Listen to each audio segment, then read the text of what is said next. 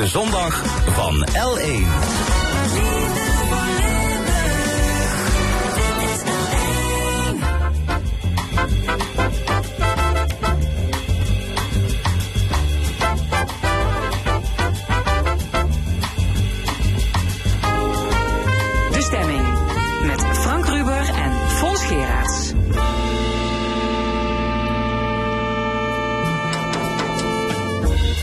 Welkom bij De Stemming, het interview- en discussieprogramma van L1 Radio. Vandaag met de volgende onderwerpen.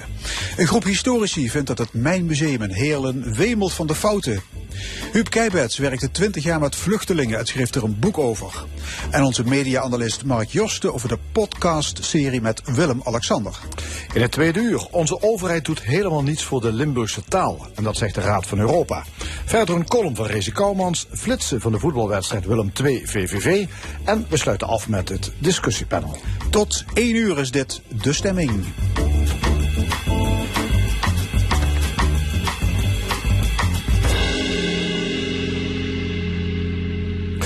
Een groep historici heeft stevige kritiek op het vorig jaar geopende Nederlands Mijnmuseum in Heerlen. De tentoonstelling zou barsten van de fouten, bijna 100. In een zwart boek worden termen gebruikt als geschiedvervalsing en ernstig gebrek aan kennis. Ook zou het museum te veel leunen op het boek Het Geluk van Limburg, dat ook niet zou uitblinken in correcte informatie. Aan tafel historicus Lou Kreukels en Kelly Rechterschot en zij is voorzitter van de Raad van Toezicht. Meneer Kreukels, toen u voor de eerste keer het Mijnmuseum bezocht, bent u zich toen het Lazarus geschrokken? Nou, als je het Mijnmuseum bezoekt, dan eh, hangt er een bord. Welkom. En daar staat op dat je in het museum de verborgen geschiedenis van de mijnstreek herontdekt.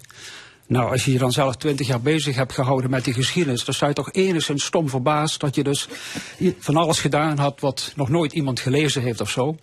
En het is gewoon absolute nonsens. En die nonsens die herleid ik onmiddellijk tot het boek van Marcia Luiten, Ja, die ook precies in het voorwoord hetzelfde zegt. Ja. Nou, maar goed, vond u, ik- u vond de tentoonstelling beneden alle pijl. En u dacht van, ja, dit kan ik niet op mijn beloop laten. Ik moet, ik moet iets doen, actie ondernemen. En dat leidde tot een zwart boek.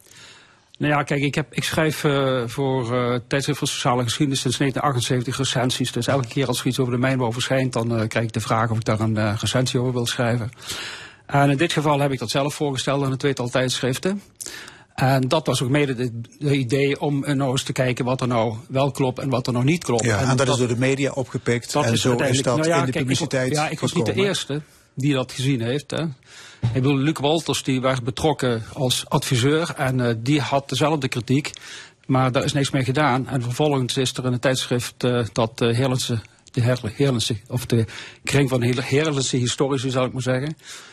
In het laatste decembernummer van vorig jaar eh, is gewijd aan het museum. En er stond dezelfde kritiek.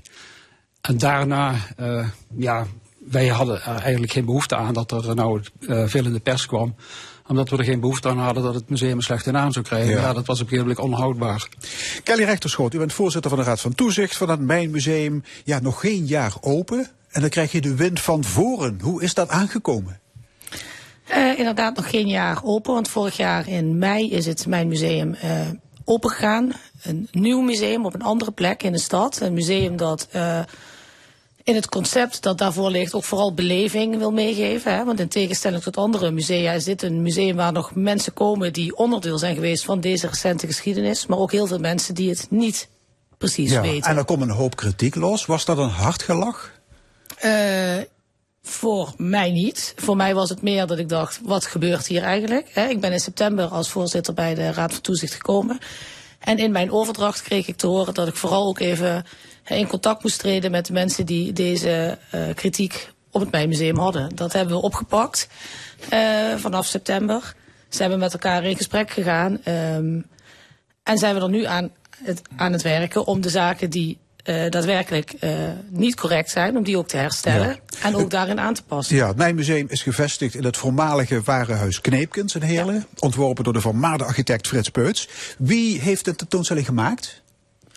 Eh, de tentoonstelling is gemaakt onder regie van de Raad van Toezicht en de directeur die we op dat moment hadden. En daar hebben we een bureau voor ingehuurd eh, uit Utrecht. Ja, maar dat bureau heeft kennelijk een ernstig gebrek aan kennis van het mijnverleden, meneer Kreukels. Ja, ik- kijk, ik denk dat je als je een bureau erbij haalt, wat je natuurlijk moet doen, want je gaat zelf niet al die stands timmeren, dan moet je die een draaiboek geven. Hè? En dan moet dat draaiboek met wetenschappelijk verantwoordelijk zijn. Uh, in dit geval was het zo. Ik heb al in het uh, najaar van 2019 heb ik het uh, museum bezocht toen het nog in de oude mijnschacht was in Heerlen. En daar viel me op dat het boek van Marcia Luiten werd gepropageerd. Dus ik zei, en ik kreeg te horen, er komt een nieuw museum. En dus ik zei, nou, hou er daar wel rekening mee. dit is meer een roman dan een geschiedenisboek. Ja. Dus u vindt dat het mijn museum te veel leunt op het boek Het Geluk van Limburg van Marcia Luiten. Ja, dat is maar wat is daar mis mee? Oh, het boek van Marcia Luiten uh, wordt verkocht door de uh, bezige bij als literaire non-fictie. En literaire non-fictie wil eigenlijk zeggen een vlot geschreven verhaal gebaseerd op feiten. Ja? Goed, het boek van Marcia Luiten, uh, om het heel kort te zeggen, ik heb nog nooit in mijn leven zoveel plagiaat, zoveel nonsens, zoveel geschiedvervalsing gelezen als in dat boek.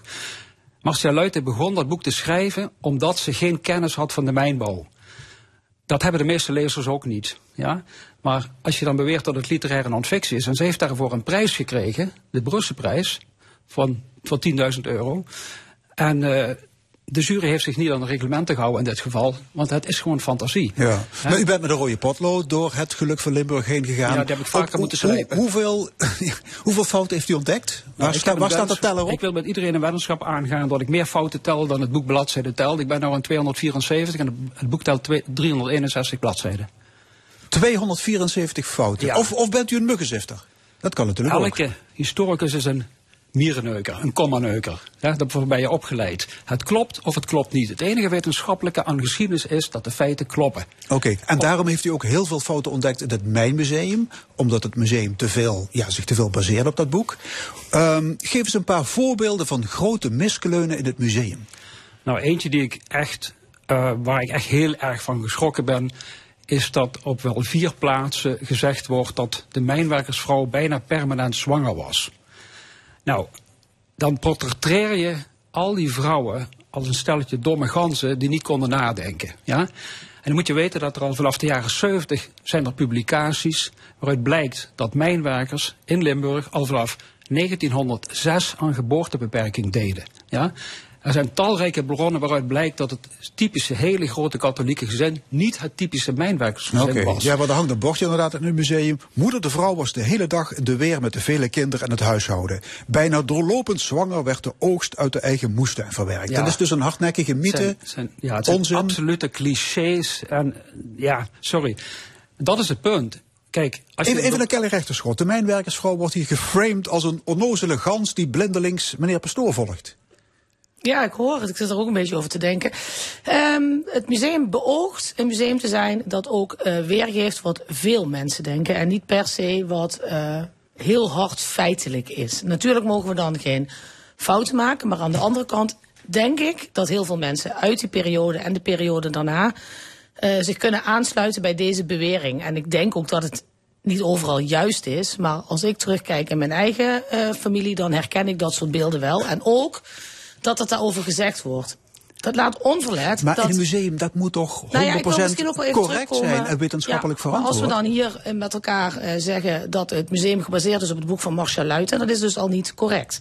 Dus dat zijn ook zaken waar we dan feiten en fictie misschien van elkaar moeten scheiden. We hebben een museum willen neerzetten dat enerzijds laat zien wat er onder de grond gebeurde, anderzijds laat zien wat dat met de samenleving in Parkstad, Oostelijke Mijnstreek, maar ook de Westelijke Mijnstreek heeft gedaan. Dat willen we laten zien.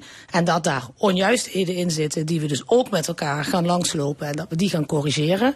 Dat is onze intentie. En daarnaast is het vooral ook een museum waarin we met elkaar een bepaalde beleving, een bepaald tijdsbeeld, een bepaald gevoel willen terughalen.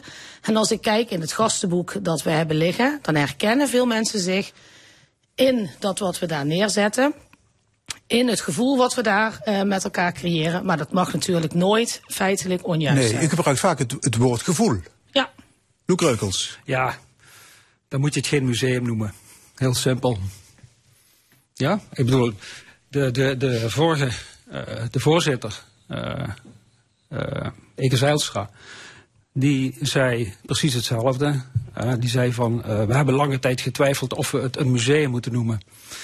Ik zeg, ja, maar dan moet je geen subsidie aanvragen. En dan moet je niet gaan zeggen dat je een museum gaat bouwen, anders gaat een geschiedenis verloren. Noem het dan de Efteling. Ja. Ja? Goed, ander voorbeeld. Eh, Marcia Luiten schrijft dat Heerlen in de jaren 60 de hoogste bontjassendichtheid van Nederland had. Ja. U vindt dat kwatsch? Ja, dat is absoluut. Dat heeft ze zelf inmiddels ook erkend. Ja, hè? maar want de vraag is of u zo'n zin ook letterlijk moet nemen. Is het niet gewoon een metafoor voor de rijkdom in Heerlen? Die Luiten heeft nadat het boek verscheen heel veel lezingen gehouden voor alle mogelijke eh, verschillende, of, heel veel verschillend publiek. En elke keer herhaalt ze twee dingen. Heerlen was de rijkste stad van Nederland met de hoogste bontjassendichtheid. Die mensen in die zaal nemen dat aan als een feit. Het wordt niet in een context verteld van mensen denken dat. Nee, Marcia Luiten zegt dat het zo is, dat ze dat ontdekt Ja, heeft. en u zegt het is een fabeltje, want in 1958 stond Heerlen niet eens in de top 100 van de rijkste steden van Nederland. Ja, dat eh, kun je heel makkelijk. eh, Je hoeft maar op je computer op te slaan en bij de CPS-statistieken te zoeken en dan vind je dat. Maar hoe kan dat? Er was toch enorm Omdat veel koopkracht in die oostelijke mijnstreek Omdat- en westelijke mijnstreek. Er was toch heel veel koopkracht? Ja, bij de de Noord in Hoenseboek bijvoorbeeld. Ja. Dat was toch in de jaren 50, 60 een florerende winkelstraat. ja. En in de Ja. jaren 80 een dode boel. Ja, precies. De meeste ingenieurs in Nederland woonden in die tijd in Geleen. En Heerlen was veel meer een koopstad dan Geleen. Ook Maastrichtenaren gingen voor bepaalde zaken naar Heerlen toe. Ja? Dus die koopkracht was heel groot. Maar als je nog gaat kijken waar die vandaan komt, dan zijn het de beambten en het leidinggevend personeel en de middenstand. Ja? En als je kijkt naar de inkomen van de mijnwerkers, Erik eh eh, Nijhoff heeft dat berekend. Hun inkomen ging vanaf 1944 tot 1953 achteruit. Er was een loonstop, er was een bestedingsstop, er was woningnood. Pas in de jaren 60 ontstaat die gouden periode. Maar Marcia Luiten zegt dat ze al vanaf 1945 een gouden periode hadden. En het Mijnmuseum schrijft letterlijk, als je in, het, eh, in de mijnstreek werd geboren in die tijd, dan werd alles voor je verzorgd. Ja. Ja. je, je leven werd van wieg tot graf verzorgd. Nou, dat moet je zeggen tegen een 44-jarige silicosepatiënt.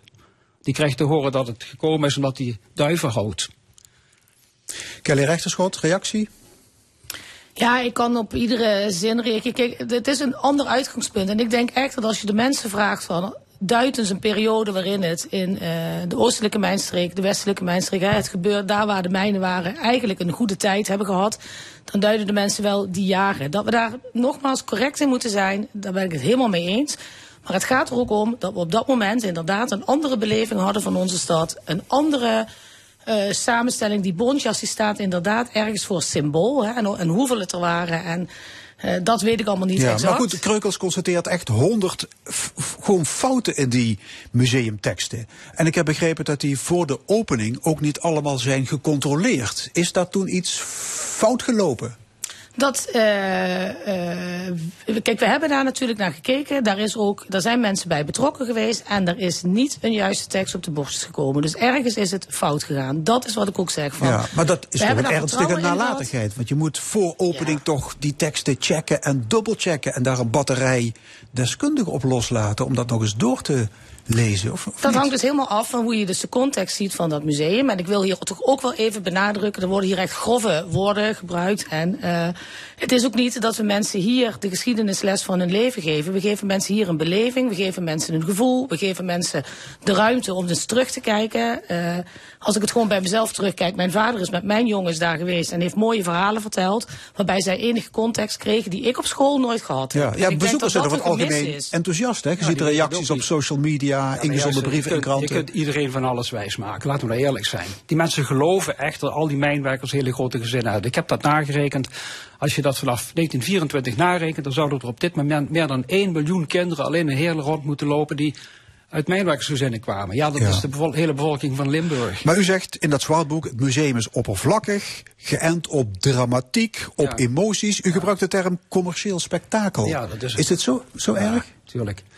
Kijk, eh, de, de verdediging is gewoon van we willen een heel groot publiek bereiken. En over het hoofd wordt gezien dat je ook een heel groot publiek kunt bereiken door je aan de feiten te houden. Die geschiedenis is veel interessanter dan in het Mijnmuseum wordt verteld.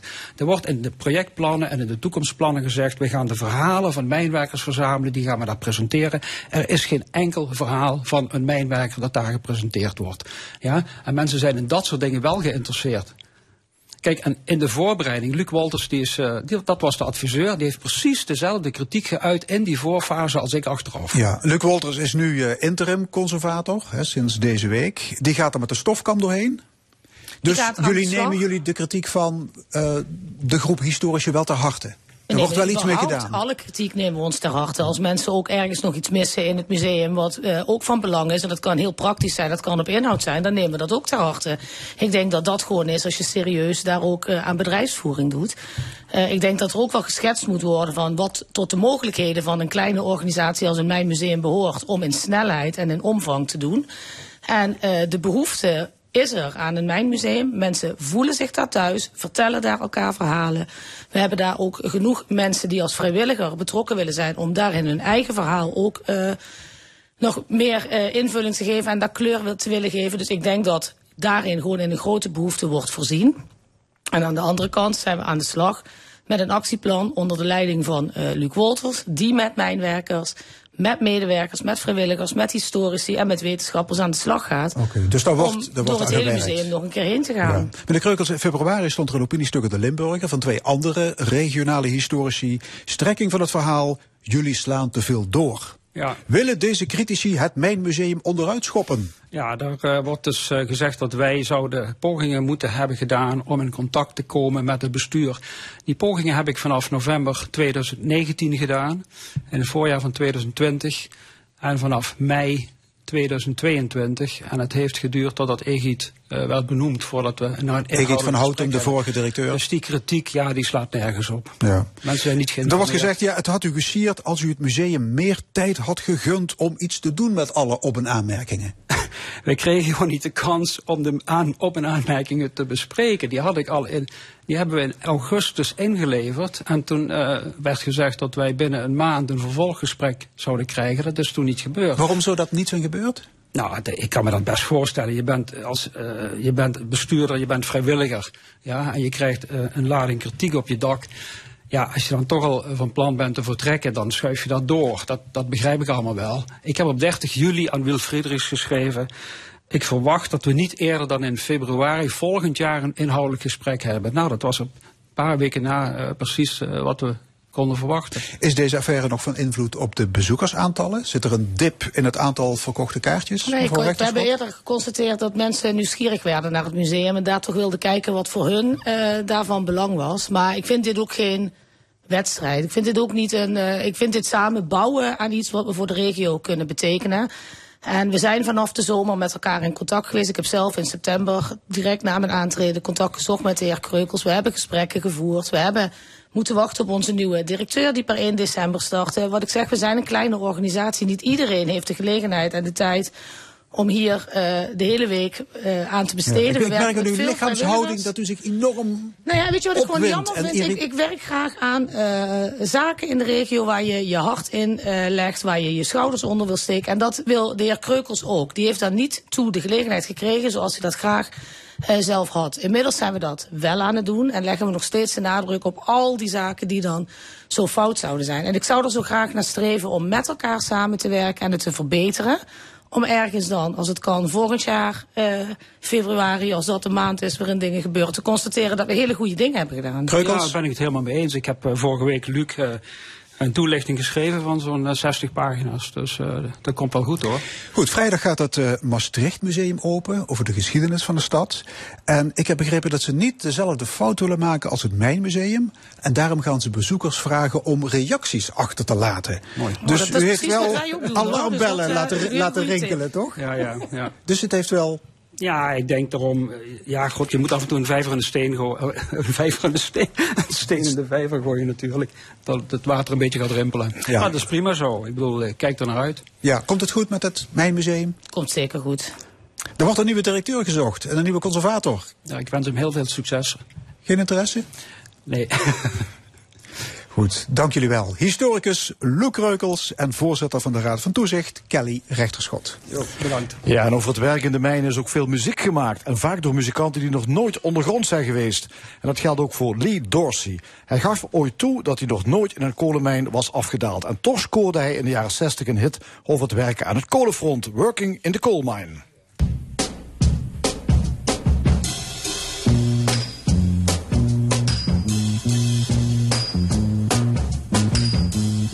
Working in a coal mine, going down, down, down, working in a coal mine, about to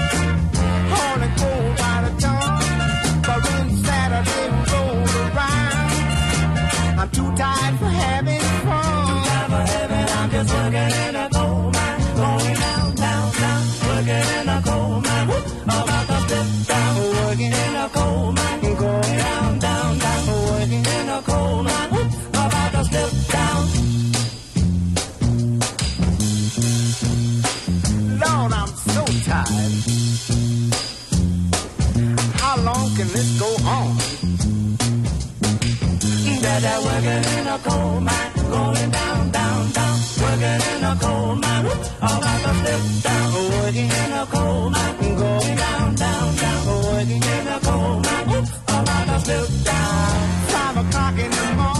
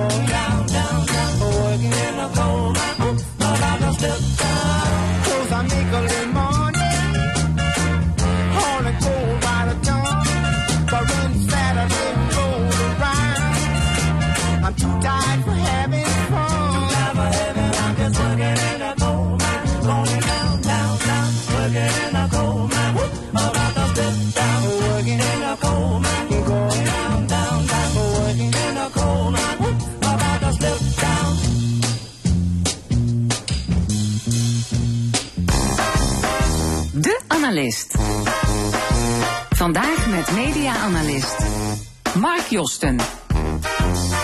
Ja, media-analyst. Wie denk jij wel dat je bent dat je dit mag doen? Dat je hier mag zitten? Dat je hier mag komen oreren? Mark Josten? Ja, Frank, Ruber. Ik, eh, ik denk dat ik eh, de voorzet begrijp. Want we gaan het natuurlijk hebben over het tienjarig jubileum van het koningschap van Willem-Alexander. En die heeft zoiets gezegd, toch? Ja, ja, zullen we even luisteren Ja, naar de podcast? Dat stukje? Ik weet het op één moment heel goed herinneren. Toen stond daar. Wilhelmus werd gezongen in de Nieuwe Kerk. En ik had dus een beetje een soort van out-of-body experience. Als ik boven mezelf het zweven was. Oh. Wat ben jij in hemelsnaam aan het doen? Wie denk je wel niet dat je bent? Oh. Zo, ik zag mezelf daar staan beneden. En, eh, en eigenlijk vond ik het wel mooi. Want eh, eigenlijk gewoon... Dat, van, ja, dat vraag ik mezelf elke dag. Wat- Wie denk je wel dat je bent dat je dit mag doen? Dit was koning Willem-Alexander in de podcast eh, met eh, Edwin Evers, eh, die op dit moment te beluisteren is. Mark, jouw reactie op dit stukje? Ja, ik vond het eigenlijk het meest oprechte stuk in eh, de drie delen die tot nu toe zijn, eh, zijn uitgezonden. Er komen er nog veel meer.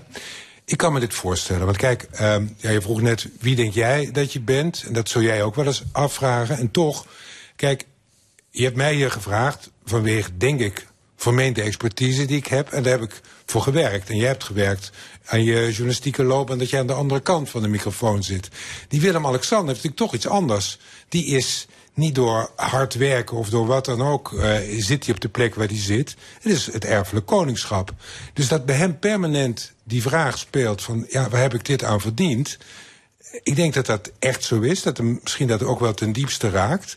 En ik vond, ja, ik vond dat echt wel. eh, het, het, het, het klonk allemaal een beetje, een beetje gemaakt in die podcast. Maar ik geloof dat hij hier echt heel diep in zijn eigen ziel keek. Ja, ja, ja. ja nou ja, wij hebben trouwens ook wel een beetje geluk, hè? De plek waar we zitten. Ja, nee, natuurlijk. Kijk, eh, eh, die relativering is heel goed dat je die, die brengt.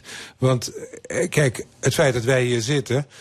Dat wij zijn geboren in ongeveer nou, het het gedeelte van de wereld wat tot eh, 2%, eh, eh, 2% rijkste gedeelte van de wereld behoort. Dat is ook geluk dat je, dat je meeneemt. Dat is ook eigenlijk een soort erfelijkheid waar je veel aan dankt. Dus in dat opzicht, ja, eh, Ja. Ja, eh, zoals om je heen kijkt in ja. de wereld, denk je ook wel eens. Ja. Ja. waar- Nee, het- Is, het- is het trouwens geen plagiaat? Want, want zijn grootmoeder zei dat ook, Juliana, bij haar inauguratie. Ja. Wie ben ik dat ik dit doen mag? ja.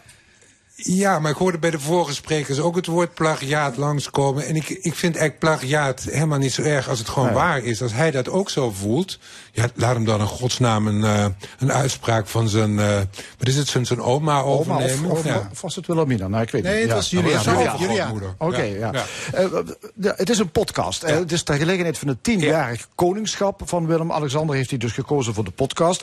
Wat denk je, waarom zou hij voor dit medium kiezen? Want ik denk dat heel veel mensen weten misschien wel dat er een podcast bestaat. Maar volgens mij is dat nog niet een medium wat heel erg veel beluisterd wordt. Nee, dat, dat, dat vind ik ook opvallend. Hè? Want het is, eh, het is echt een klein medium. Als je kijkt, jullie maken radio. eh, de gewone radio, de, zoals het heet, lineaire radio... dat heeft nog steeds een veel, een veel groter publiek dan de podcast. Dus het gaat echt om een klein gedeelte.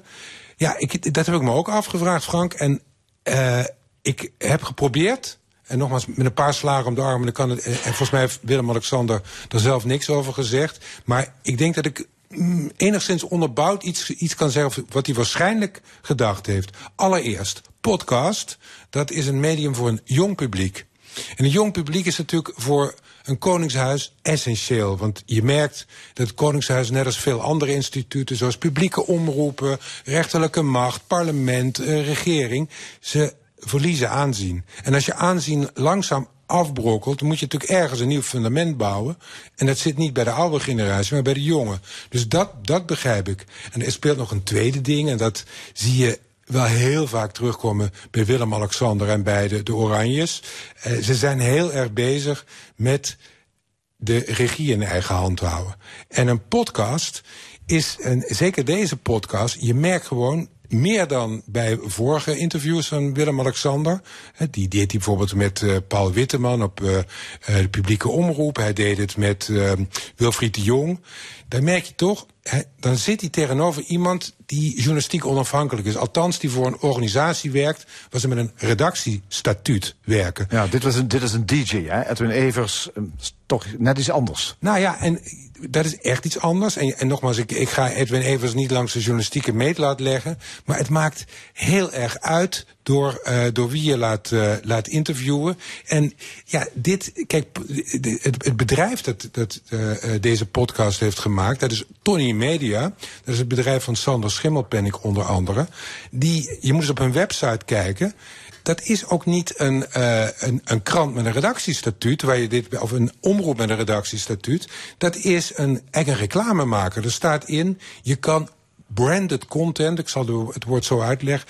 Wij maken branded content voor je. Dus jij stapt naar het bureau toe en zij maken een soort interview wat. Nou ja, het interview wordt wat jij als geïnterviewde wil hebben. Ja, het suggereert dat het een echt interview is, maar in feite is het een Reclamespot. marketing, Het is- reclame. het is een Maar de marketing- opdrachtgever was toch ook de Rijksvoorlichtingsdienst? Ja, Ja. dan Ja. weet je toch al genoeg? Nee, zeker. Overigens, ik vind het al frappant dat eh, Willem-Alexander, die weet dit natuurlijk Ja. ook. En hij speelt daarmee, want in het begin van aflevering 1 zegt hij, eh, dan heeft hij het met, met Evers, heeft hij het daar even over. Hè, van, ja, er zijn natuurlijk wat afspraken gemaakt, sommige dingen kunnen we wel of niet. En dan zegt Willem-Alexander op een gegeven moment tegen Evers, ach, maakt niet uit joh, kom, we gaan gewoon over alles praten. Ja.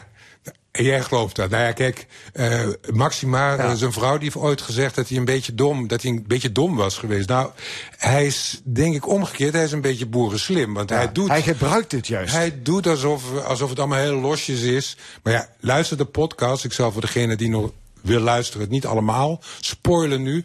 Maar er komen echt een aantal zaken langs waar je van denkt van nou, als ik een onafhankelijk interviewer was, ik had er niet voorbij laten komen. Ja. Reclame voor zijn thuisbezoeken, Ja. voor zijn oranje fonds. En het, ja, nee. Ja, la- laten we dan even kijken. Zitten er echte journalistieke missers in? Ja, je zegt al, ik weet die, die Edwin Evers niet langs de journalistieke meetlat leggen. Maar ja, toch. Het is een, een je, je, bent, je zit hier om de media te, eh, te analyseren. Nee, zeker. Ja. Ik, ik, ik, ik merk echt, en eh, nogmaals niet om die Evers, want eh, hè, daar gaat niet, maar je merkt dat de journalistieke hand ontbreekt. En dat vond ik vooral heel erg stuitend toen het over het beroemde beeld ging van het biertje drinken met Poetin in 2014. Ja, Willem-Alexander zegt, ja, maar die Poetin, dat was toen, daar wilden we toen nog gewoon toenadering tot zoeken. Hè? De, het was ook een soort opdracht van de regering. Drink dan een biertje met die man en eh, nou ja. Ja. misschien komen we Ja. iets nader tot elkaar. Ja, en tot dat punt kon ik nog enigszins met hem meedenken. Van ja, het was de regeringsopdracht om eh, heel vriendelijk voor Rusland te doen.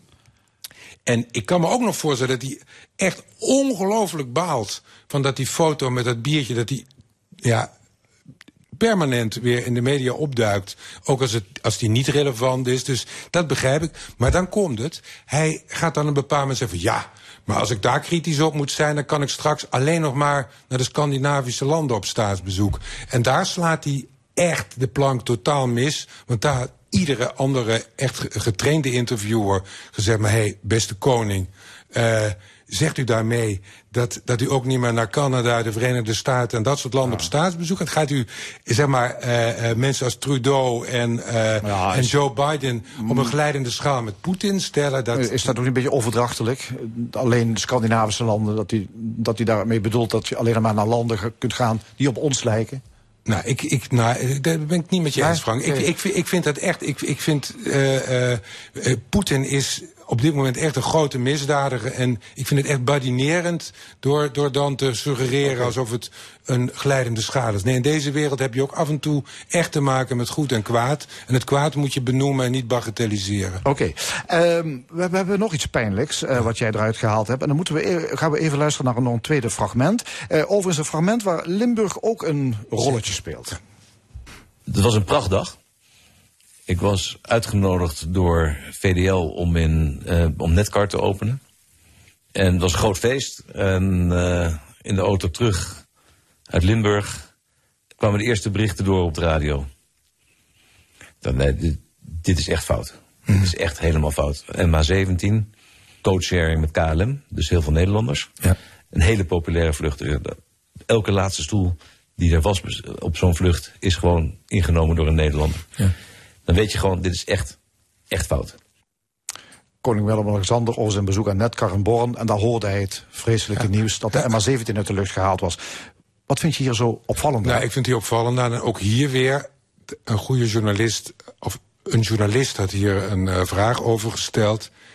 Hij, hij is natuurlijk een, een kenner van de luchtvaart. Hij hoort het vluchtnummer en dan denkt hij, foute boel.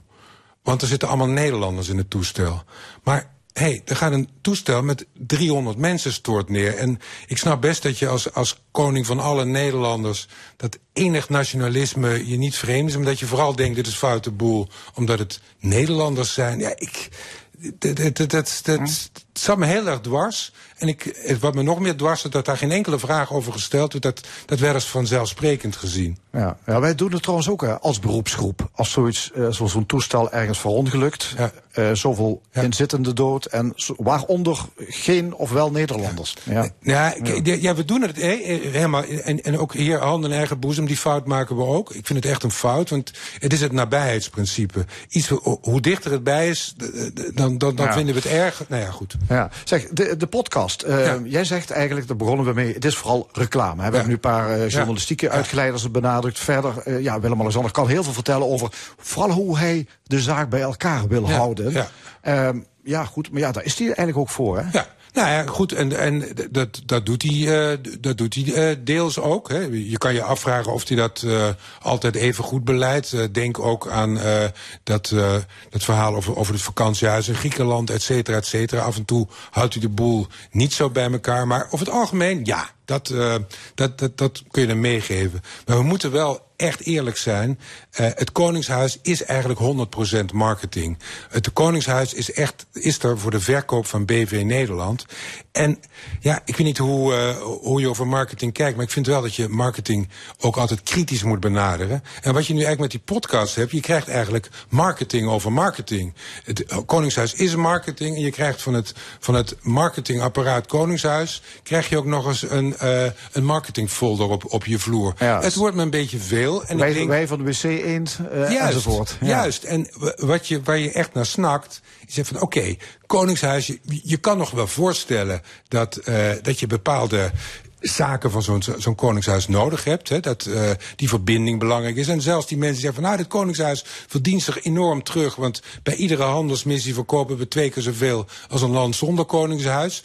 Prima, maar juist dan, wees kritisch. Wees eh, kritisch op wat er, wat er wordt uitgekraamd. Wees kritisch op, eh, nou, op de Poetins, op de China's, waar allemaal naartoe wordt gegaan. En dit is gewoon, ja, vind ik. ehm, het is marketing op marketing, too much. Ja. Nou ja, goed. Zou je het mensen aanraden om deze podcast te beluisteren? Eh, gek genoeg ja, want er, er komen toch wel een, een aantal interessante dingen voorbij. Eh, en ook Willem-Alexander, anders word ik, word ik eh, te a- azijnzijkerig. De, de, hij zegt ook echt goede dingen over, over het belang van instituten in Nederland. Dat we die echt nodig hebben. En dat we moeten uitkijken dat we niet alles kwijtraken. Dus er, er zitten best interessante dingen in, maar luister wel heel kritisch. Altijd een goede raad, natuurlijk. Dankjewel. Uh, trouwens, die podcast is gewoon te vinden op alle streamingdiensten. eh, overal En van de Rechtsvoorlichtingsdienst. Ja, dat kun je ook luisteren. Gewoon de koning intikken en je komt er. Eh, onze media-analyst Mark Josten, dankjewel. Zometeen de stemming Huub Keibert over zijn boek Wat kom jij hier doen? Over zijn ervaringen met het bieden van hulp aan vluchtelingen. Maar eerst Deus, de Belgische band, is weer tot leven gewekt. Ze hebben een nieuw album en zijn op tournee. Donderdag en vrijdag staan ze in een uitverkochte muziekgieterij in Maastricht. Deus met de fraaie ballad Nothing Really Ends. The plan, it wasn't much of a plan. I just started walking.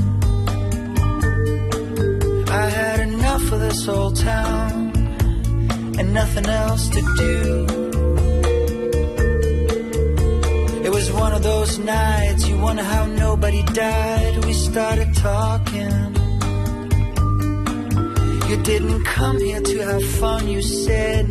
Well, I just came for you. Do you still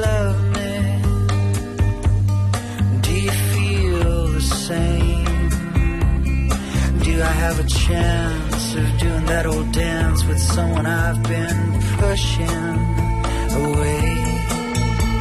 And touch, we touch the soul, the very soul, the soul of what we were then. With the old schemes of shattered dreams lying on the floor. You looked at me, no more than sympathy. My lies, you have heard them. My stories you have left with. My clothes you have torn. Do you still love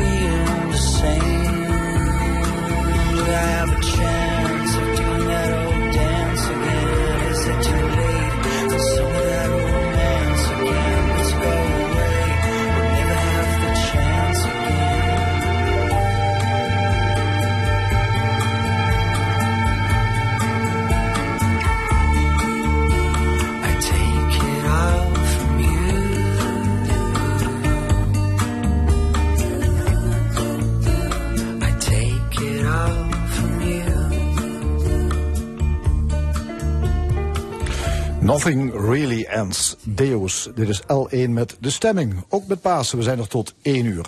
Onze volgende gast is Huub Keibets. Hij werkte 20 jaar met asielzoekers en vooral met vluchtelingen zonder papieren. Hij schreef een boek over het asielvraagstuk, gelardeerd met eigen ervaringen en schrijnende verhalen van vluchtelingen. Het boek heet Wat kom jij hier doen? Aan tafel Huub Keibets.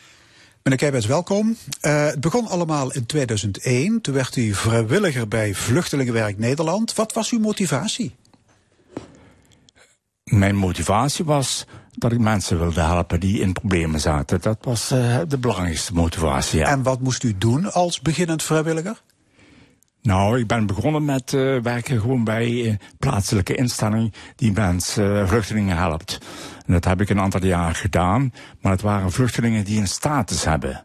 Dus vluchtelingen die al in Nederland mogen blijven en dan een huis moeten krijgen, eh, et cetera, et cetera. En dat heb ik een aantal jaar gedaan, met veel plezier. Maar eh, het was niet helemaal uitdagend, want die mensen hadden een status. Ja, dus die waren binnen en die konden hier blijven. Ja. Dat, dat, dat was het werk, zeg maar. En mensen helpen aan een huis, aan een, eh, een aantal andere zaken. Eh, nou ja, de hele mars door de bureaucratie die je moet maken om hier een plek te krijgen. In die tijd kwamen er allerlei vluchtelingenstromen op gang. Hè. Er werden ook steeds meer AZC's opgericht. Ging dat gepaard met eh, de eerste negatieve reacties? Be- begon de publieke opinie toen te kantelen? Ja, maar dan praat ik ook over de periode die ah, vooraf gegaan is aan mijn werk. Dus die 20 jaar. Eh, op een gegeven moment kwamen er steeds meer vluchtelingen. Eerst werden de, de werden hier naartoe gehaald. De mensen uit Sri Lanka werden hier naartoe gehaald. En eh, Sri Lanka bijvoorbeeld was wel een probleem, want het waren allemaal mannen. En dat was niet helemaal eh, wat, wat- men wilde. Hè? Mannen onder elkaar. Nee, dat, nou ja, in ieder geval, Ja. toen begonnen de eerste. En de, de aantallen namen toe. Ja, en, die, kwam- en die aanslagen op het World Trade Center, dat Ja, ook niet kwamen echt echt Toen kwam er ook een maatschappelijk debat, of debat verharden zou je kunnen zeggen. Ja, dat is zeker gebeurd. Ja, dat heeft eh, behoorlijk wat impact gehad, dit, eh, deze gebeurtenis. Ja. Over de hele wereld natuurlijk, maar Zeker. ook op vluchtelingen, vluchtelingen. Ja, dat klopt. Ehm, meneer de laatste tien jaar hield u zich bezig met asielzoekers zonder papieren. Dat is de categorie die we aanduiden als eh, de illegalen. Ja, dat zijn de illegale. Ik, ja, ik gebruik liever die term zonder papieren. Is misschien wat iets duidelijker, maar goed. eh, wij zeggen dus illegale. En dat is, eh, dat, dat is best moeilijk vaak om die mensen te helpen. Want ja, laten we eerlijk zijn, als je illegaal bent, dan heb je meestal al één of meerdere procedures achter de rug.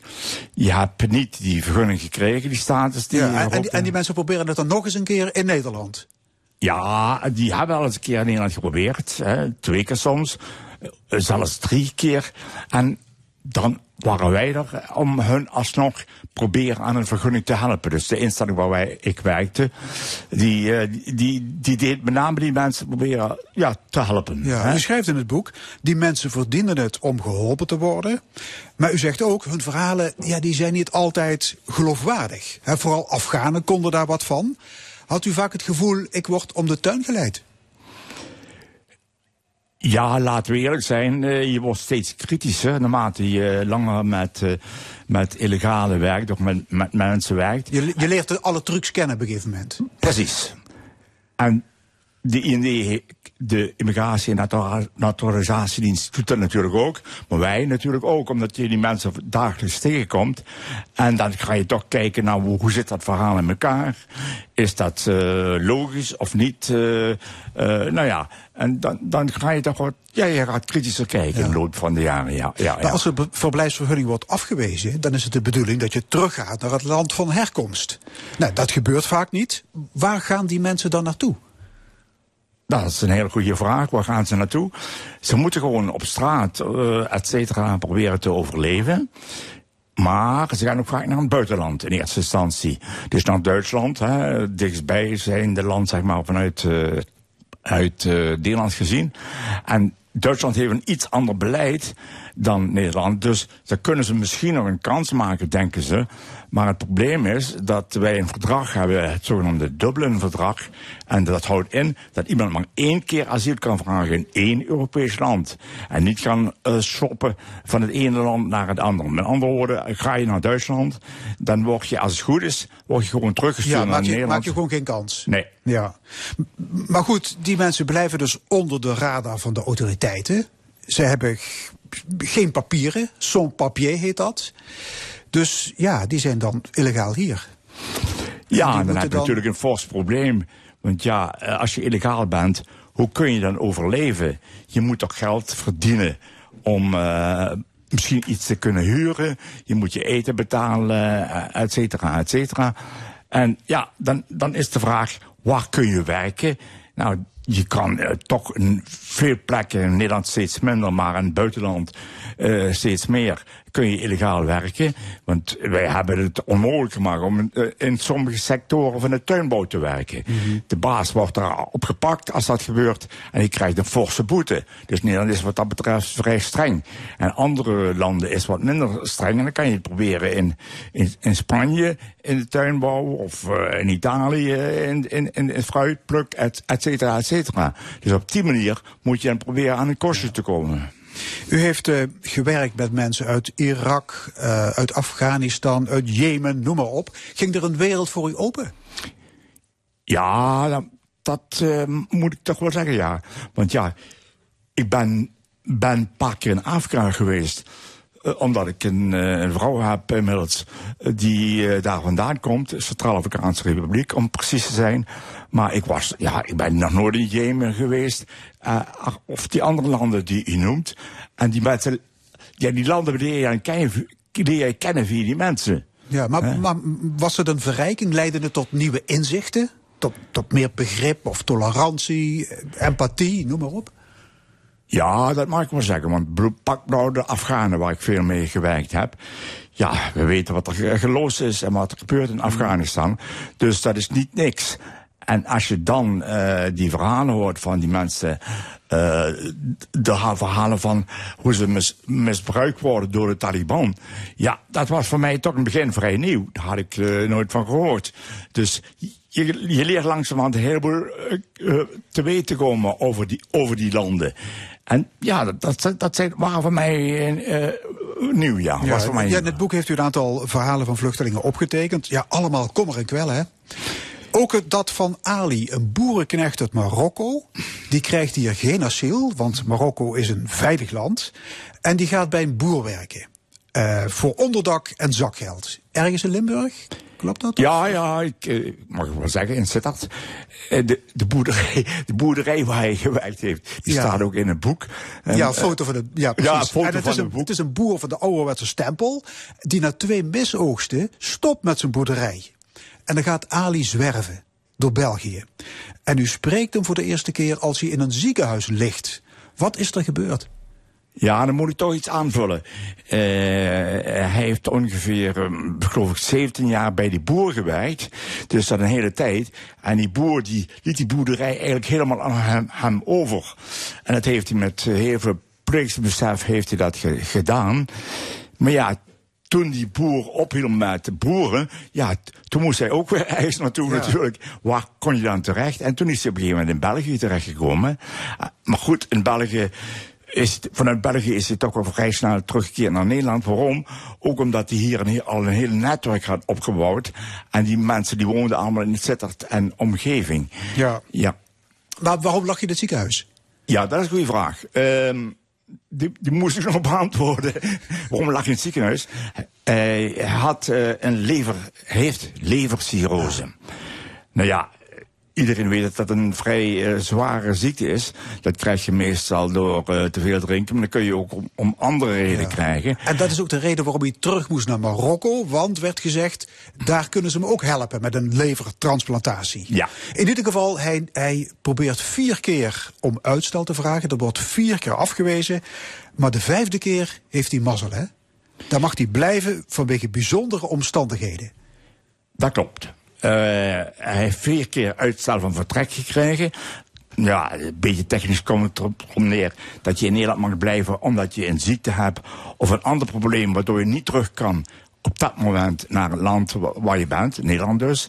Maar op een gegeven moment eh, was het heel raar. Toen werd het uitstel van vertrek afgewezen. En toen zeiden we, ja waarom? Ja nou, omdat hij wel kon reizen. Reizen of niet is een heel belangrijk eh, punt bij dat uitstel van vertrek. Als je niet kan reizen, dan kan je natuurlijk ook niet terug naar het land waar je vandaan komt. Maar de, toen, zei de Immigratie- en Naturalisatiedienst... nou, hij kan wel reizen. Hoe kan hij nou reizen? Hij kan niet reizen met het vliegtuig... maar wel met een auto of een bus of zoiets.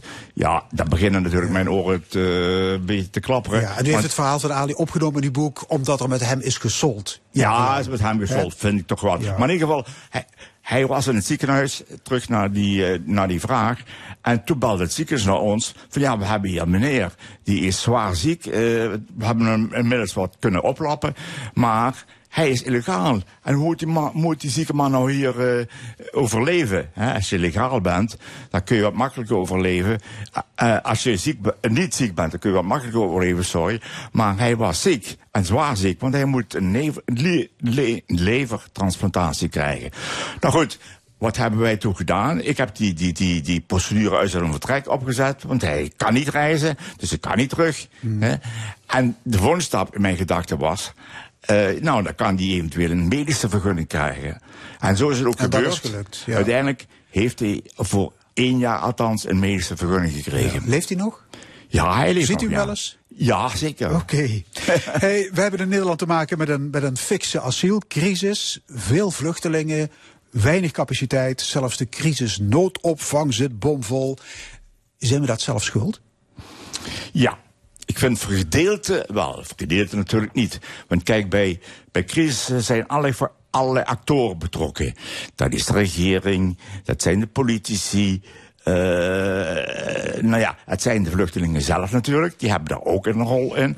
En eh, ik misschien als helper van die vluchtelingen. Nou ja, we, we zijn allemaal betrokken bij, bij dat spel. We hebben allemaal daar een rol in te spelen.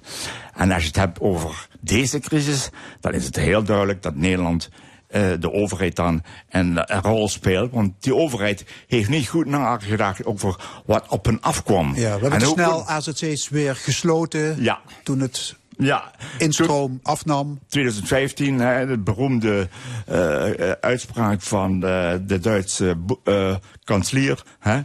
We kennen die Angela wel. Merkel. Merkel, ja, precies. En toen hebben Weer schaffen das, toen- hè? Ja, precies. Maar toen liep het aantal vluchtelingen terug. En toen hebben ze snel een aantal AZC's gesloten. Maar ja, eh, daarna ging die, moesten ze de AZC weer openen, 2017, 2018. Want toen liepen de aantallen weer op. Ze hadden ook mensen van de IND eh, ontslagen allemaal. Hè, die moesten weer nieuw, eh, nieuwe mensen moesten aangetrokken worden. Die moeten dan opgeleid worden, et cetera, et cetera. Ja, dat vind ik toch wel een eh, beetje paard achter de wagen korte termijn, korte termijn. Korte termijn ja. politiek, ja. Meneer er wordt nu flink geïnvesteerd in de versteviging van de Europese buitengrenzen. Gaat dat helpen om de instroom te beperken? Of, of is Fort Europa een, een idee fix? Ik denk dat Fort Europa een idee fix is. Kijk, ik heb er al een artikel laatst over geschreven in de, de, Limburg, eh, de, de Limburger. Eh, toen die ramp plaatsvond bij eh, Calabrië, dat is het zuidpunt van Italië. Er zijn al mensen verdronken, et cetera. Ja, kijk. Ja, even de laatste zin van dat stuk was trouwens... hogere hekken doen het goed bij de achterban, maar zijn geen oplossing. Nee. En daar moeten we het bij laten. Eh Huub Keibets, hartelijk dank. Het boek Wat kom jij hier doen ligt in de winkel.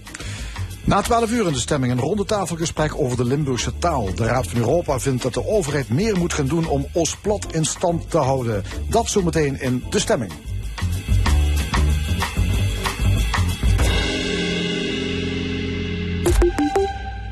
Met al meer dan 30 jaar ervaring in de keukenbranche weet Tinnemans Keukens precies wat er allemaal komt kijken bij de aanschaf van een nieuwe keuken.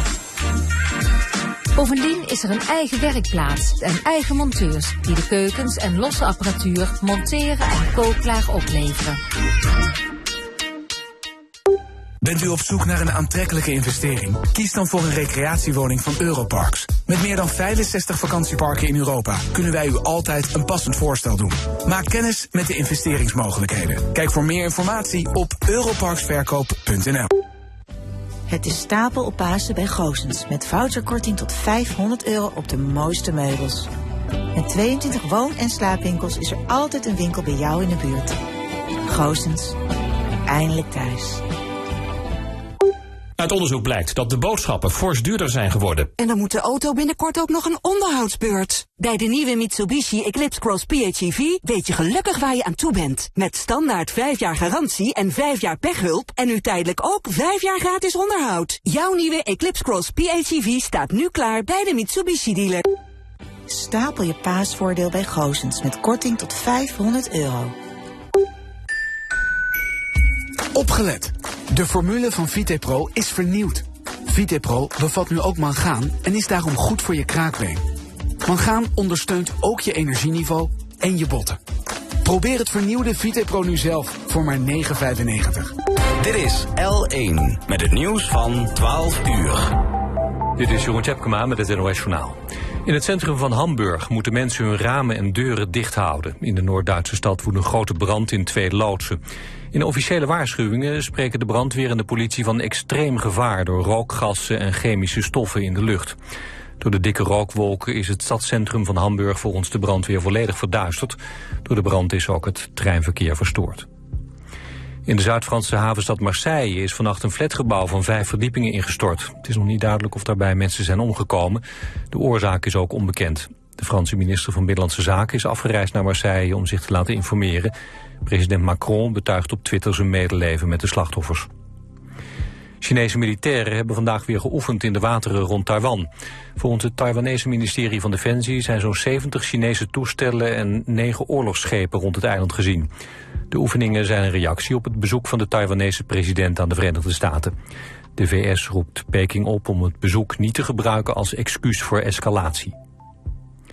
Bij Oost-Soeburg in Zeeland is een man van 22 zwaar gewond geraakt na een achtervolging door de politie.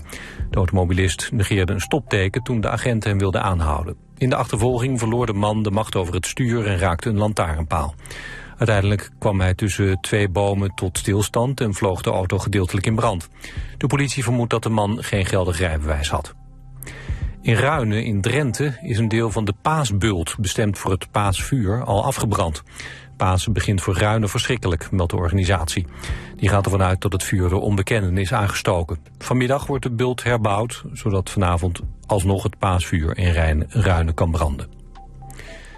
Het weer droog en af en toe zon. In het noorden en westen is het bewolkt. De temperatuur ligt tussen 14 en 16 graden. Morgen, tweede paasdag, begint droog, maar de bewolking neemt toe.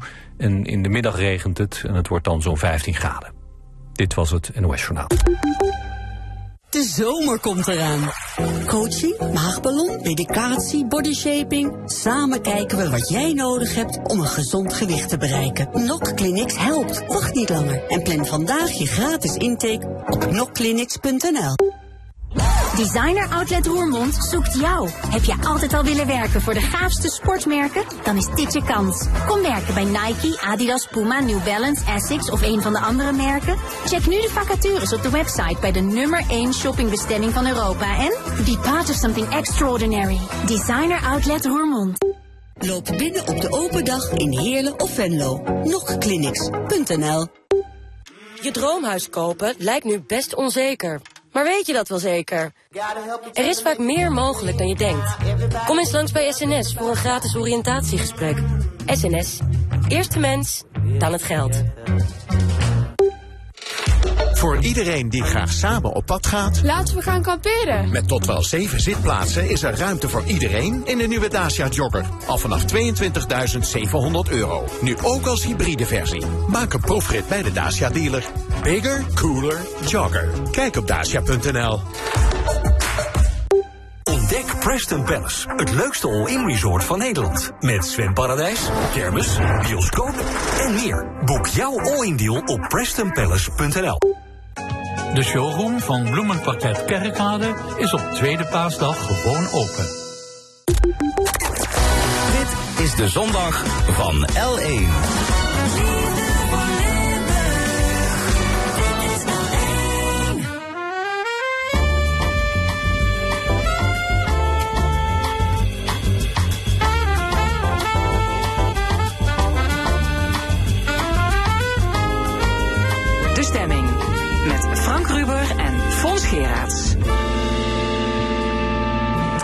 Opnieuw welkom bij de stemming. Wat hebben we nog allemaal in de tweede uur voor u in petto? Straks het panel waarin drie opiniemakers discussiëren over extreem rechts en andere actuele zaken.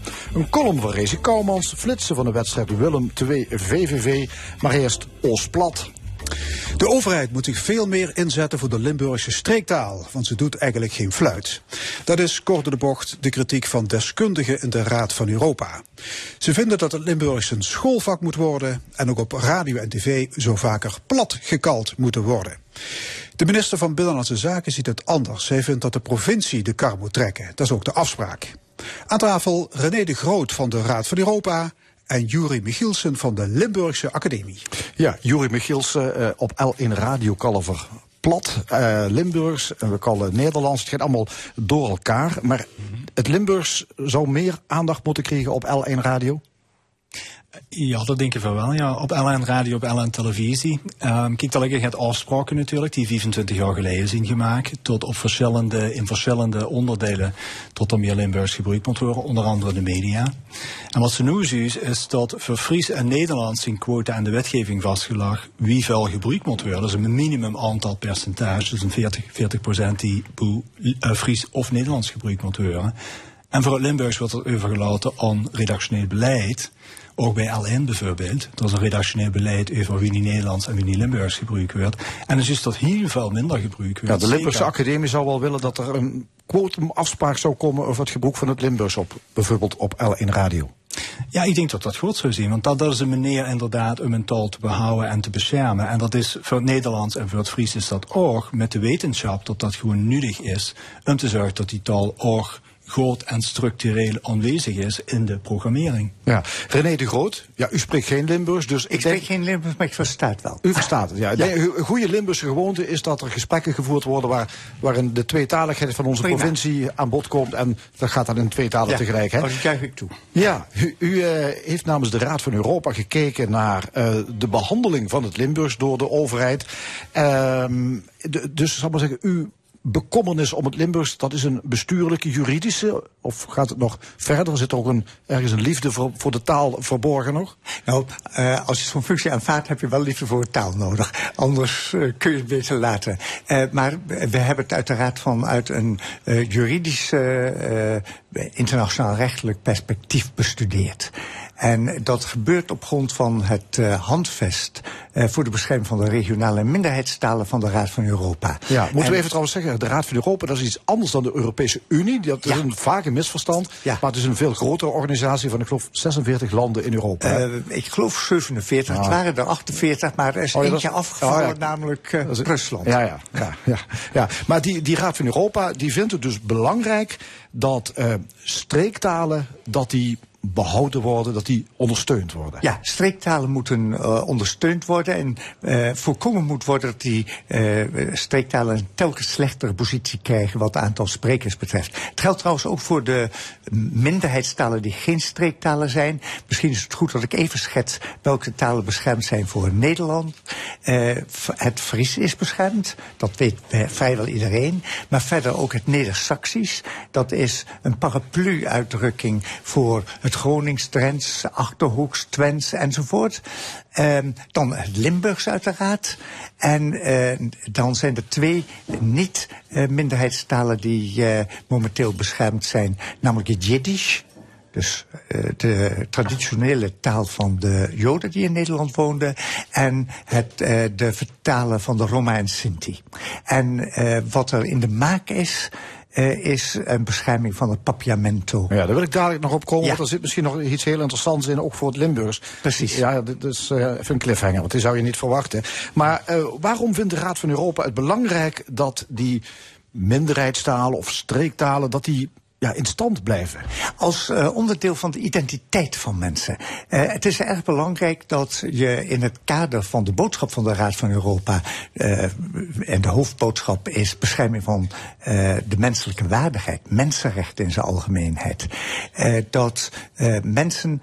Eh, dat de identiteit van mensen wordt gerespecteerd. En eh, op welke wijze manifesteert zich een identiteit van een groep buitengewoon stevig? Dat is door de taal die ze hanteren. Ja. En uh, u zei net platkolen. Het, het Limburgs is beschermd als taal, maar de Limburgers weten maar al te goed dat er binnen het Limburgs heel veel verschillende dialecten zijn. Maar uh, de bescherming is dus het Limburgs als geheel, waarbij we beseffen dat er meerdere varianten ja. aanwezig zijn. Ja, we hebben een voor streektaal. We, zeggen dat normaal ook dat voor dialecten. We kallen plat, het is een dialect. Is dat hetzelfde eigenlijk? Streektaal, dialect? Vroeger wordt dialect gezien als iets, ja, een beetje een afwijking van, van een nationale taal. Ja. Ja, kijk, dat is een beetje ingeslopen voor Limburgs natuurlijk. En dan wordt bijvoorbeeld gezegd van dat is een dialect, of er zijn verschillende dialecten. Het hangt een beetje ervan af wie, wie zijn het beloers. In ieder geval juridisch gezien, de erkenning die daar ligt, is als regionaal taal. Het is niet een streektaal, maar regionaal taal. En dat juridisch gezien is altijd heel precies wie dingen benoemd worden. Ja. Uh, streektaal en dialect zijn equivalente begrippen in het Nederlands, maar uh, regionaal taal is echt het anders. En vandaar dat die erkenning ook het anders is voor het Limburgs. Ja, we ja. hebben het dus over een streektaal. Zullen dat, ja. dat is correct. Ja. ja. ja. Uh, is trouwens is, uh, zal maar zeggen, het verschil in erkenning, is dat ook te merken in bijvoorbeeld uh, de aandacht, en dan bedoel ik de financiële aandacht van Utrecht? Bijvoorbeeld het verschil tussen, zal maar zeggen, Fries hè, ja. en Limburgs, is daar een verschil in? Ja, er is sowieso een verschil in de erkenning. Dat is onder dat handvest wat René genoemd heeft, is het Fries erkend en het Limburgs is erkend en die aantallen zien ook erkend. Maar de vraag is hoeveel rechten zijn er gegeven bij die erkenning. En die rechten, dat is voor het Limburgs minder als voor het Fries. En dat heeft ook zijn uitwerking op hoeveel financiering en beleid er is. Um, en? en voor het Limburgs is dat duidelijk minder. Ja, ja. Is, het, uh, is het te omschrijven, is het te berekenen? Ja, nou ja, goed, qua financiering is dat wel te omschrijven inderdaad. Qua ja. recht is het natuurlijk wat, wat, krijg het, wat krijgt het Fries per maar, inwoner um, per, per jaar en het Limburgs? Ja, wat berekend is inderdaad, is dat er 10 cent per Limburger voor het Limburgs wordt uitgegeven. En 77 euro per Fries voor het Fries. Oké. Okay. De van even op bezin werken. Ja. Ja. Ja. ja. René de Groot, naar die Raad van Europa. Hè. De, nou ja, goed, de Raad van Europa vindt het belangrijk dat die streektalen dus in stand gehouden worden. Dat ze zelfs versterkt worden, begrijp ik. Uh, maar de conclusie is uh, van een uh, comité van deskundigen, waar u nu ook zat, dat ja, die, die nationale overheid hier in Nederland, die, ja, die bakt er helemaal niks van. Och, helemaal niks is net iets te zwaar, uh, maar het moet echt veel, veel beter. Wat de nationale overheid uh, tot nog toe vaak geneigd is te doen, uh, is te zeggen van ja, we hebben met de provincie afgesproken dat de provincie het doet. Uh, zonder er meteen veel geld bij te geven, hè, want dat is ook een groot ja. verschil uh, met Friesland. Uh, en als wij dan zeggen van ja, dat en dat en dat klopt niet, dat moet beter, dan zegt uh, de nationale overheid vaak, ja, dan moeten jullie maar met de provincie erover gaan vechten en daar opmerkingen maken. Terwijl vanuit het internationale recht de verplichtingen die neergelegd zijn in het verdrag en door Nederland geaccepteerd zijn, het verplichtingen zijn van de nationale overheid. Als de overheid tegen een, een, een andere entiteit binnen het land, zoals een provincie zegt van we willen dat graag samen met jullie doen, dan is daar niks op tegen. Maar je kunt niet het gebrek aan actie afschuiven op de provincie Limburg. Ja, in extremis, als in het gouvernement er niks aan zouden doen, zou eigenlijk Den Haag de plicht hebben om het alsnog te doen. Ja, de, precies. Om, ja, ja. ja. Uh, Jorie Michielsen, wat zou Den Haag, de landelijke overheid, wat zou die dan moeten, wat zou die kennen gaan doen om dat Limburgs te ondersteunen? Ja, dat, dat is een hele goede vraag. Het eerste is natuurlijk dat ze haar verplichtingen onder dat handvest moet uitvoeren. Dus de Nederlandse regering, en er zijn nog aanbevelingen in dat rapport, dat is zelf dan ja. naar, naar, de Raad van Europa aangekaart hebben. Ze moeten in eerste instantie haar verplichtingen zelf uitvoeren. Dat betekent ook dat ze in de verschillende gebieden, bijvoorbeeld de wetgeving met betrekking tot de media, het onderwijs, ja. dan moet beleid worden gemaakt. Bijvoorbeeld die quota, wordt je al noemde, maar bijvoorbeeld dat o, onderwijs? Ja, onderwijs inderdaad. Kijk, de onderwijswet liet min of meer toe dat er gaat anders als Nederlands gebruikt wordt. Maar echt stevig verankerd is dat wat ons betreft niet. Dus dat is één ding wat we denken dat ze moeten veranderen. Het tweede is ook dat de nationale overheid dan zelf beleid moet maken en financiering, voor financiering ja. moet zorgen. Dus, dus bijvoorbeeld ook praktisch gebeurt. Limburgse les op school. Ja, goed, dat is een van de verplichtingen die zijn aangegaan onder het handvest. Is dat inderdaad Limburgs als vak op school wordt gegeven. Dat is een verplichting. Dat is een verplichting. Maar die wordt gewoon niet uitgevoerd. Die wordt niet uitgevoerd door de Nederlandse overheid. dat die zeggen dan voor Fries doen voor het wel, Ja. maar voor Limburgs doen voor het nee. Dus, dus de Raad van Europa, die, die, heeft, die heeft hier eigenlijk iets ontdekt. Die Nederlandse overheid, die is gewoon nalatig. Eh, De Nederlandse overheid is op dat punt nalatig, ja. Ja. Eh, wat we trouwens nog niet gezegd hebben, eh, en het is misschien voor de toehoorders wel goed om dat nog even te onderstrepen, dat er onder het verdrag, dus onder die charter, twee verschillende typen van bescherming zijn. Er is een, een, een basisbescherming, en daar valt het Limburgs onder. En dat geldt bijvoorbeeld ook voor het Gronings en voor het Jiddisch.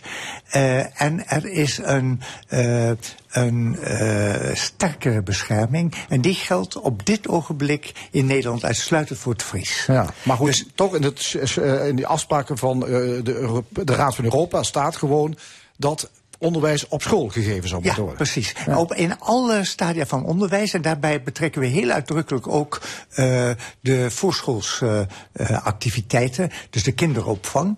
Ja. Omdat daar toch de basis van de verdere taalontwikkeling wordt gelegd. Als je een kind eh, die, dat eh, thuisgewend is Limburgs te spreken... naar de eh, kinderopvang stuurt... en daar de juffrouw of de meester uitsluitend Nederlands reageert... dan gaat dat kind denken van... ja, wat we thuis doen is eigenlijk niet normaal. Ik wil ook Nederlands gaan spreken Ja. thuis. Ja. En dat zie je toch vaak. Ja, uh, Juri Michielsen, ik hoor al veel u denken van ja, dat is allemaal wel leuk, Limburgs op school. Maar kan dat wel? Want we hebben zoveel verschillende variaties van dat Limburgs. Als de, de lerares uit komt en die zit in, op een school in Zittert. En dan? Ja, goed. Dat kan dadelijk over een ene generatie als een, een Zittert allemaal met een Kerkhoffs accent.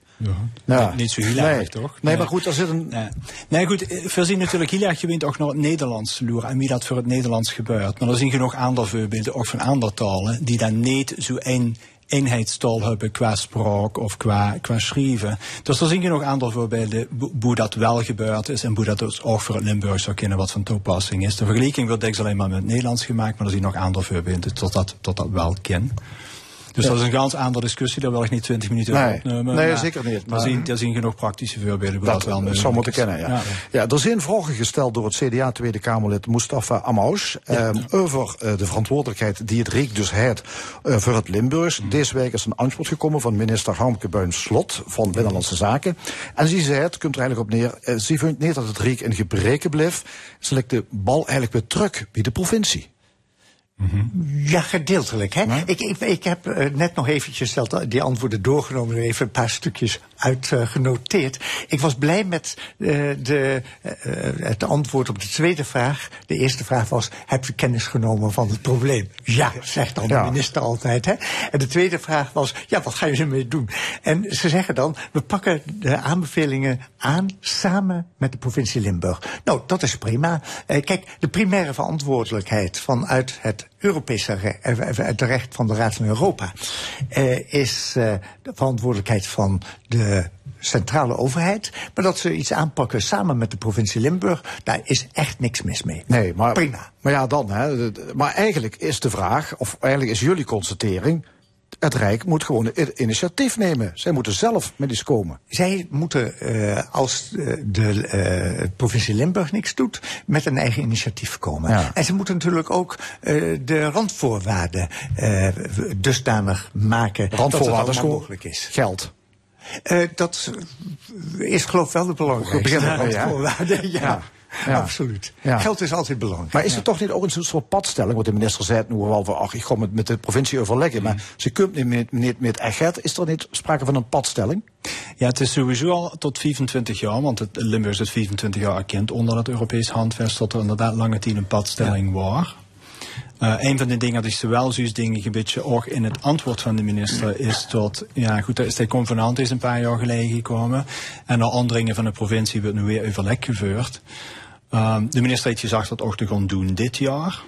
En we vinden het ook heel erg belangrijk dat in ieder geval in de coalitieonderhandelingen nu bij Provinciaal Staten dat Limburg daar ook een speerpunt wordt opgenomen. Want als Limburg naar Den Haag toch gaat voor te onderhandelen, want er ook een duidelijke visie vanuit Limburg komen, wat ze nu juist willen. Ja, en dit, Dit, dit is wel het juiste moment, begrijp ik. Dit is het perfecte moment. En uh, daarom ben ik ook dankbaar dat u het initiatief hebt genomen voor dit uh, gesprek.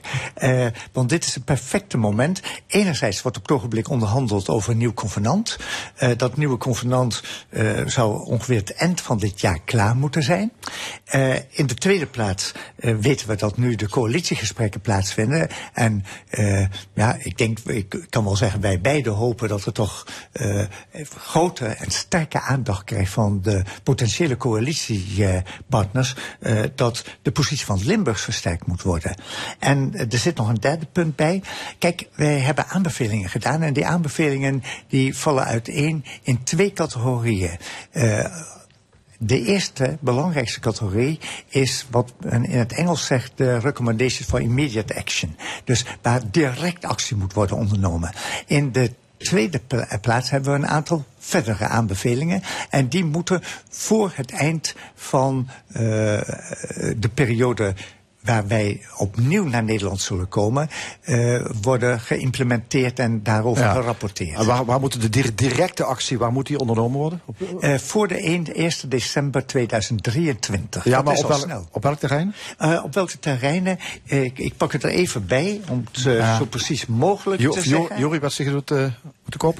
De... Ja, het eerste is sowieso in het onderwijs. Dat er een plan moet voorliggen met Limburgs in alle lagen van het onderwijs. Ja. Dus van de voorschoolse opvang tot aan universitair niveau.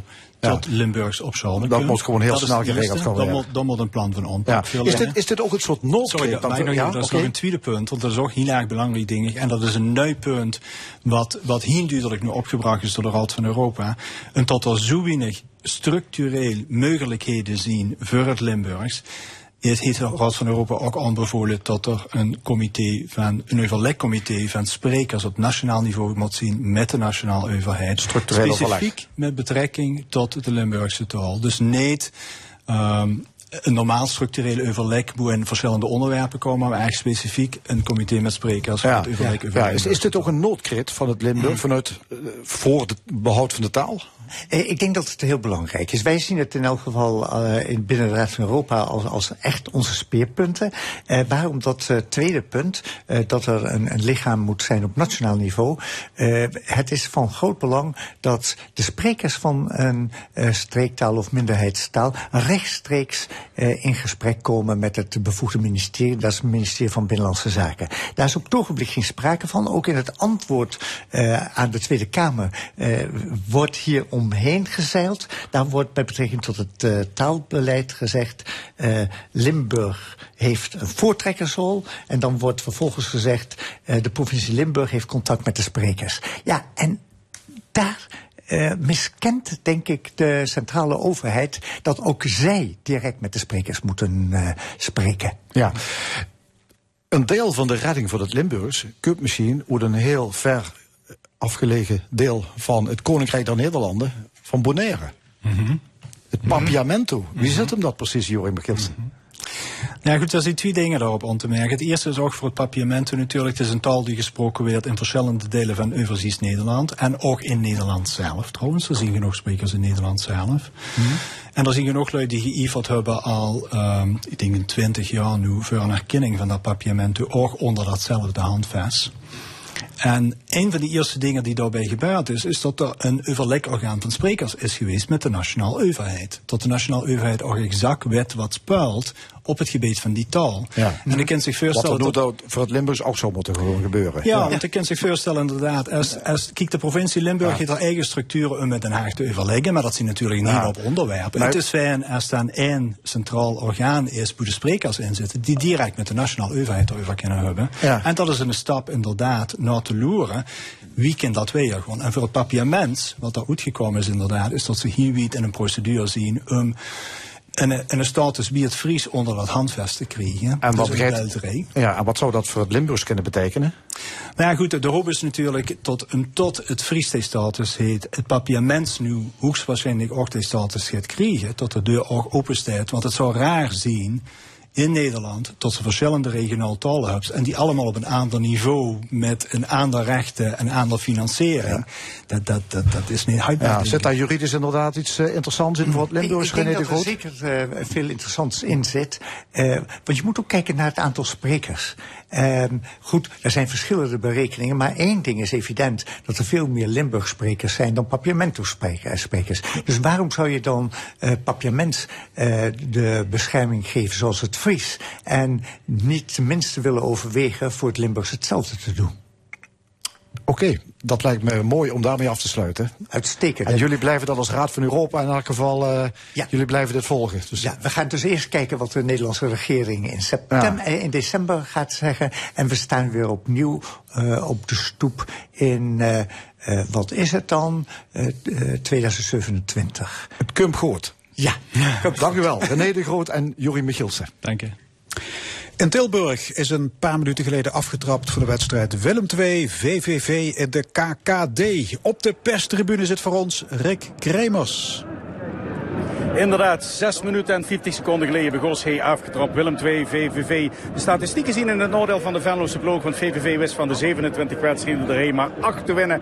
En 16 keer wordt verloren. En het gaat om de vierde plaats op de ranglijst. Willem 2 staat dan nu met 53 punten. En de Venlose ploeg heeft één puntje minder, 52 punten. Eén afstandsschot hebben we gezien. Waarbij Ennio van der Gouden, VVV-keeper, moest ingrijpen. Dat was een schot van Hoornkamp, maar dat deed hij prima. Voor de rest hebben beide ploegen hier nog niks wijten af te dwingen. Bij VVV veld op dat Klaassen is afgevallen. Vanmorgen ziek gemeld. En dus zijt er niet bij. Mitchell van Rooyen neemt zijn plaats in. En Venema, de topscorer van VVV, is op de bank achtergebleven. Omdat de trainer heeft gekozen om een 4-3-2 opstelling te voetballen. We zitten in de achtste minuut. Vrije trap voor Willem II. Maar zo gezegd, het stijt hij in een zonnig Koning Willem II stadion. Nog altijd 0 tegen 0. We blijven de eerste helft van deze match volgen in de stemming. Zometeen de column van Rezi Komans in het plat. En daarna het discussiepanel. Maar eerst muziek. Het Limburgs was zojuist onderwerp van gesprek. En daarom hebben we good old Herman Veugelers nog eens afgestoft. Ik zing zo een liedje, wie schoon ons Limburg is. Met kruisjes langs de korreveld, een beeldje in een nis. Want Harry, Jo en Joep en Frits, die hebben dat ook gedaan. Ze leten jeder Limburgs hart met zingen sneller slaan. Die steun zetste een beetje bol, wie trekzak of gitaar. Of op den achtergrond gezoem van de Maastrichter star.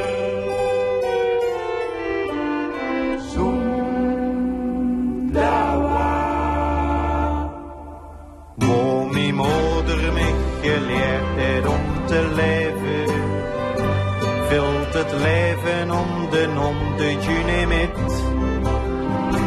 Want we zijn van romantiek bekans vergeven, terwijl ons Limburg lang zo lekker niet meer zit. Vervreugd gepensioneerden staan in suffig langs de weg. Ze voelen zich belazerd door die heren met hun krijg. Met pendels het Brusjes heen, of is kans werkeloos.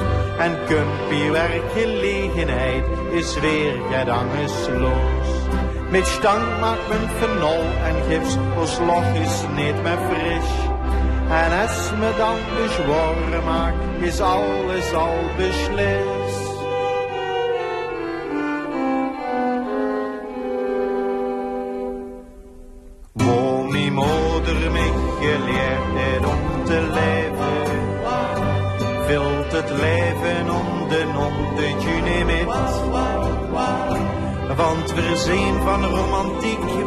Bekans vergeven, terwijl ons Limburg lang zo lekker niet meer zit.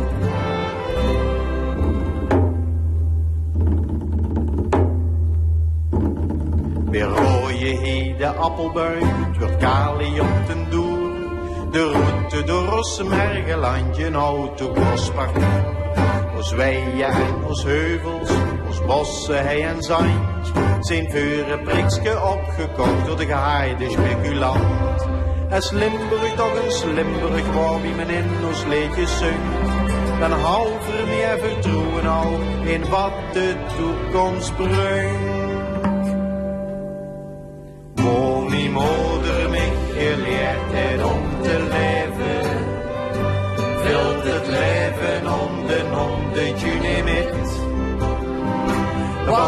Zijn van romantiek bekans vergeven. Terwijl ons Limburg lang zo lekker niet meer zit.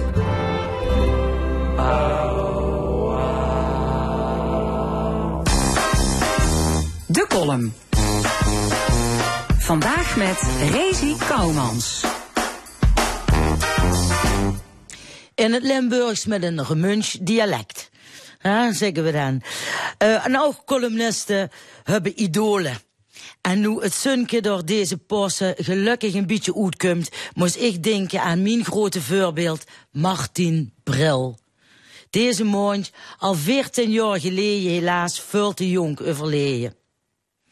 Bril is een van de weinige schrijvers, die, neven natuurlijk Code en Bie, ook meer op deze aard, met een zelf verzonnen woord in de dikke vandalen steekt. Wie ruig is dat?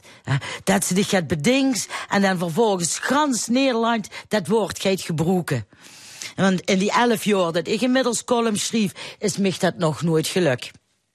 En dan heb ik het over Rokjesdag.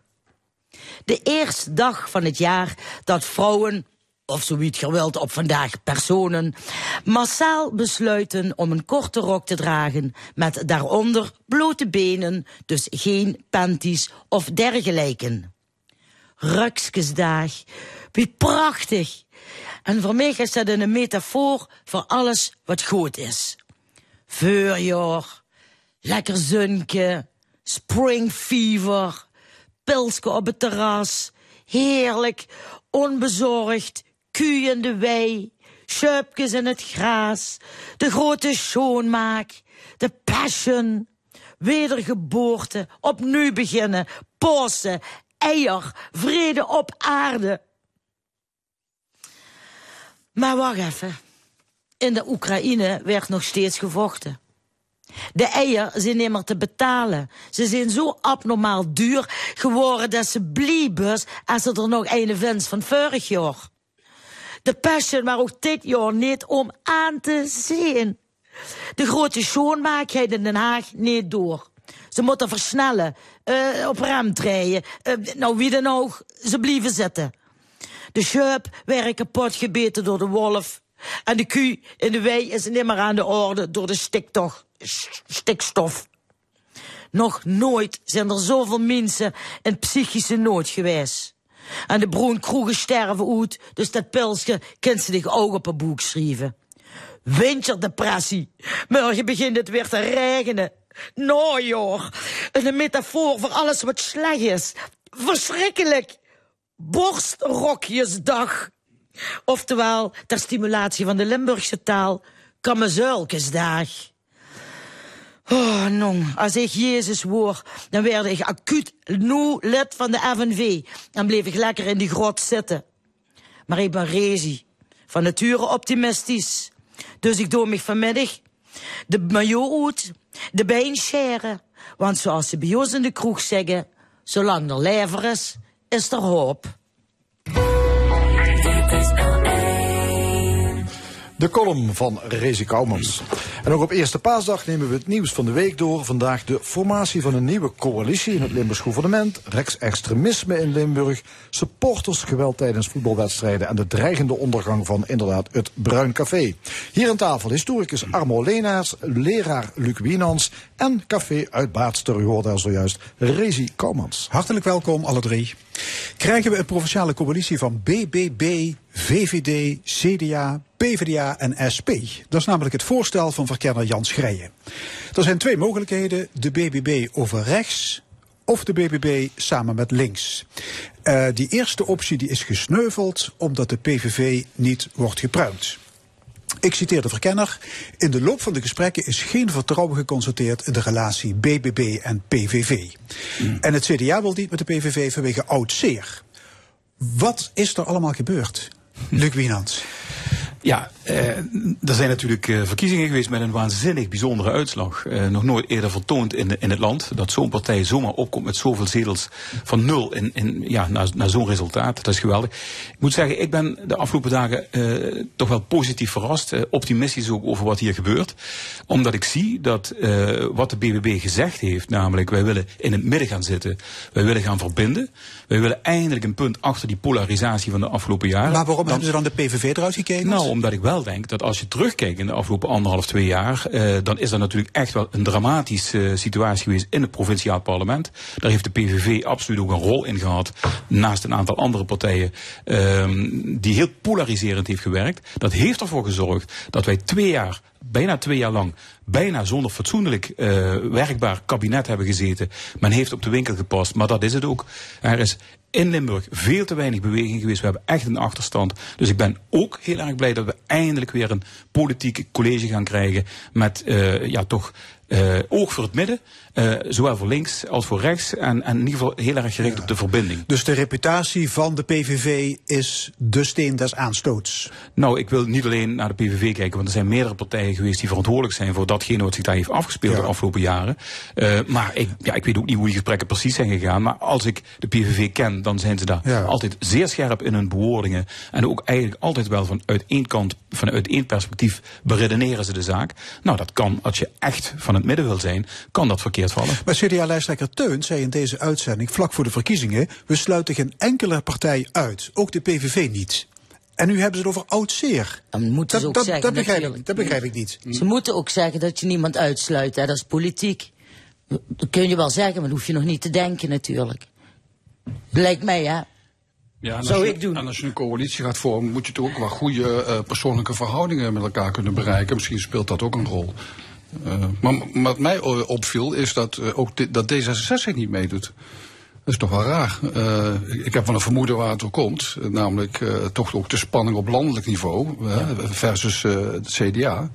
En de BBB. Maar het is wel raar, want het is een constructieve partij die is, eh, eh, zich eh, bijzonder wil inzetten voor oplossen van het stikstofprobleem. Ja. En nu mogen ze in Limburg niet meedoen. Ja, het is in die zin opmerkelijk dat zelfs in het krantenartikel van de Limburger over de coalitievorming, daar zie, kom je het woord D66 niet eens meer tegen. En dat wil natuurlijk wel wat zeggen. En ik denk ook als ik in die partij, als ik daar lid van zou zijn, dan zou ik me toch eens achter de oren krabben van wat zijn we aan het doen. Ja, het voorstel is nu over links met PvdA en eh, SP, maar zonder GroenLinks. Want die is veel te groen voor de BBB. Ja. Hoe opmerkelijk is dat? Ja, dat is ook wel opmerkelijk, want je, je gaat samen de verkiezingen in. En eh, zoals ze bij ons thuis altijd zeiden, eh, samen uit, samen thuis. Dan, dan moet je ook na de verkiezingen samen doorgaan. Maar blijkbaar was de bond niet, of de band niet al te sterk, want Ja, hij is snel doorgesneden. Ik, ik moet eerlijk zeggen, je ziet, je ziet ook wel in het krantartikel zit daar nog wel een kleine opening volgens mij. En eh, wat, wat bijzonder is, is dat natuurlijk van de gedeputeerden in de afgelopen, afgelopen jaren eh Geert Gabriel een opvallende goede rol heeft vervuld als het gaat om. de eh, GroenLinks. Ja, dus de eh, huidige stikstofgedeputeerde, die dus zijn werk niet kan afmaken. Ja, dat als is in die zin, eh, in die zin zou, doorgaat. zou ik dat ook, eh, op, of vind ik dat wel opmerkelijk, omdat ik denk dat hij van de dossiers veel af weet. eh, ook heeft laten zien dat hij eh, kan verbinden. Ehm, en ik denk ook inderdaad, je had ook een beetje verwacht PvdA GroenLinks. Ja, die hebben toch iets met elkaar opgebouwd in de afgelopen anderhalf jaar. Ik dacht van, nou, er gaat iets moois ontstaan. En dat zien we dadelijk ook terug. Maar ik heb het idee dat nog niet de deur definitief helemaal dicht is. Maar is, is, is dat uit te leggen waarom de Partij van de Arbeid mogelijk in een coalitie stapt en beoogt eh, eh, fusiepartner GroenLinks in de steek laat? Ja, dat, Risicomaat. of dat voor te stellen is. Ik, ik ben sowieso altijd al blij met, eh, eh, met elke linkse coalitie. Hè. Hoe links, zo beter. Dat is voor mij eh, persoonlijk prettig. Maar ehm, ja, ik zie dat in Roermond bijvoorbeeld zit GroenLinks dan wel nog met de P van de A. Hè. Dan hebben ze zoiets van, dan hebben we een groot links blok. En zo praten ze landelijk ook. Hè. Dan hebben we een groot links eh, blok. De linkse wolk, of hoe noemen ze het. Maar eh, in de praktijk eh, valt dat nog wel een beetje tegen. Want het, ja, ze zitten niet helemaal op één lijn, GroenLinks met de PvdA. Ja. Goed, we gaan even naar Tilburg, want er is gescoord bij Willem II VVV. Rick Remers. Waar VVV eigenlijk 20 minuten lang totaal niks in te brengen had, is het Sven Braken die de bal in het doel brengt. En dus eigenlijk goed het eerste moment dat de geel-zwarte honk om de 16 van Willem II stongen en dat Willem II de bal niet wegkreeg. Braken die hem dus na 20 minuten 0 tegen 1 voor de geel-zwarte. Rick Remers eh, vanuit Tilburg.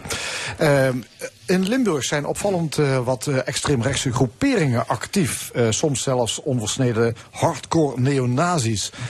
de Limburger die kwam met een groot onderzoek. gisteren was dat te lezen, pagina's groot in de zaterdagbijlage van de krant. Ehm, ja, jullie hebben het gezien, geschrokken als je, als je zoiets ziet. Ja, natuurlijk schrik je. Dat is, dat is hartstikke akelig. Hè? Je krijgt dan ook weer de beelden.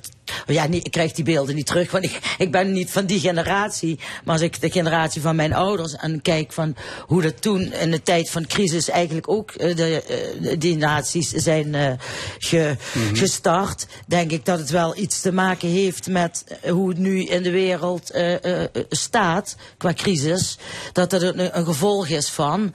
Maar het is hartstikke eng. En ja. ik, ik denk altijd, ja, hoe stom kun je zijn als je, als je daarin gelooft ja, dat het goed is. Ja, ik vind het ook heel, het is, het, is, ja. het is heel schokkend, maar to, het kan ook niet verbazen. Want we hebben de afgelopen jaren toch gezien dat er een verrechtsing uh, aan plaatsvinden is. Hè. We hebben de Forum voor Democratie uh, gehad met uh, Baudet. De PVV heeft een sterke positie. Er zijn acties van die White Lives Matter geweest mm. in Venlo en in, en in Heerlen. Dus uh, verbazen doet het me niet, maar het is wel uitermate schokkend om te zien hoe extreem deze mensen zich uitdrukken. Ja, ja de vlagverbrandingen in grotten. Uh, ze vieren de verjaardag van Hitler met Heil Hitler gebak. Uh, er worden Duitse oorlogsgevallenen herdacht. Nou ja, noem maar op. ja, het is niet verbazingwekkend, hoor ik hier aan tafel. Luc Winans? Het is helaas van alle tijden. Uh, alleen is het natuurlijk zo dat wij in de afgelopen jaren op heel veel vlakken radicalisering hebben gezien. Of het nou over jihadisme gaat, of soms in de milieurichting, of in welke richting dan ook. Ook op dit terrein zie je dat radicalisering onder een bepaalde groep jeugdigen is. En als je naar het artikel kijkt, zie je dat het wel degelijk inderdaad op dat moment behoorlijk wat op het spoor is. Dat is begin één, om te weten van haal de anonimiteit ervan af, van wie zijn het, om wie gaat het. Nou, dat is deels gelukt. Maar als je bijvoorbeeld die groepering ziet die die vlag daar bij het Vista College ophing. Ik, ik geef daar tegenwoordig maatschappijwetenschap.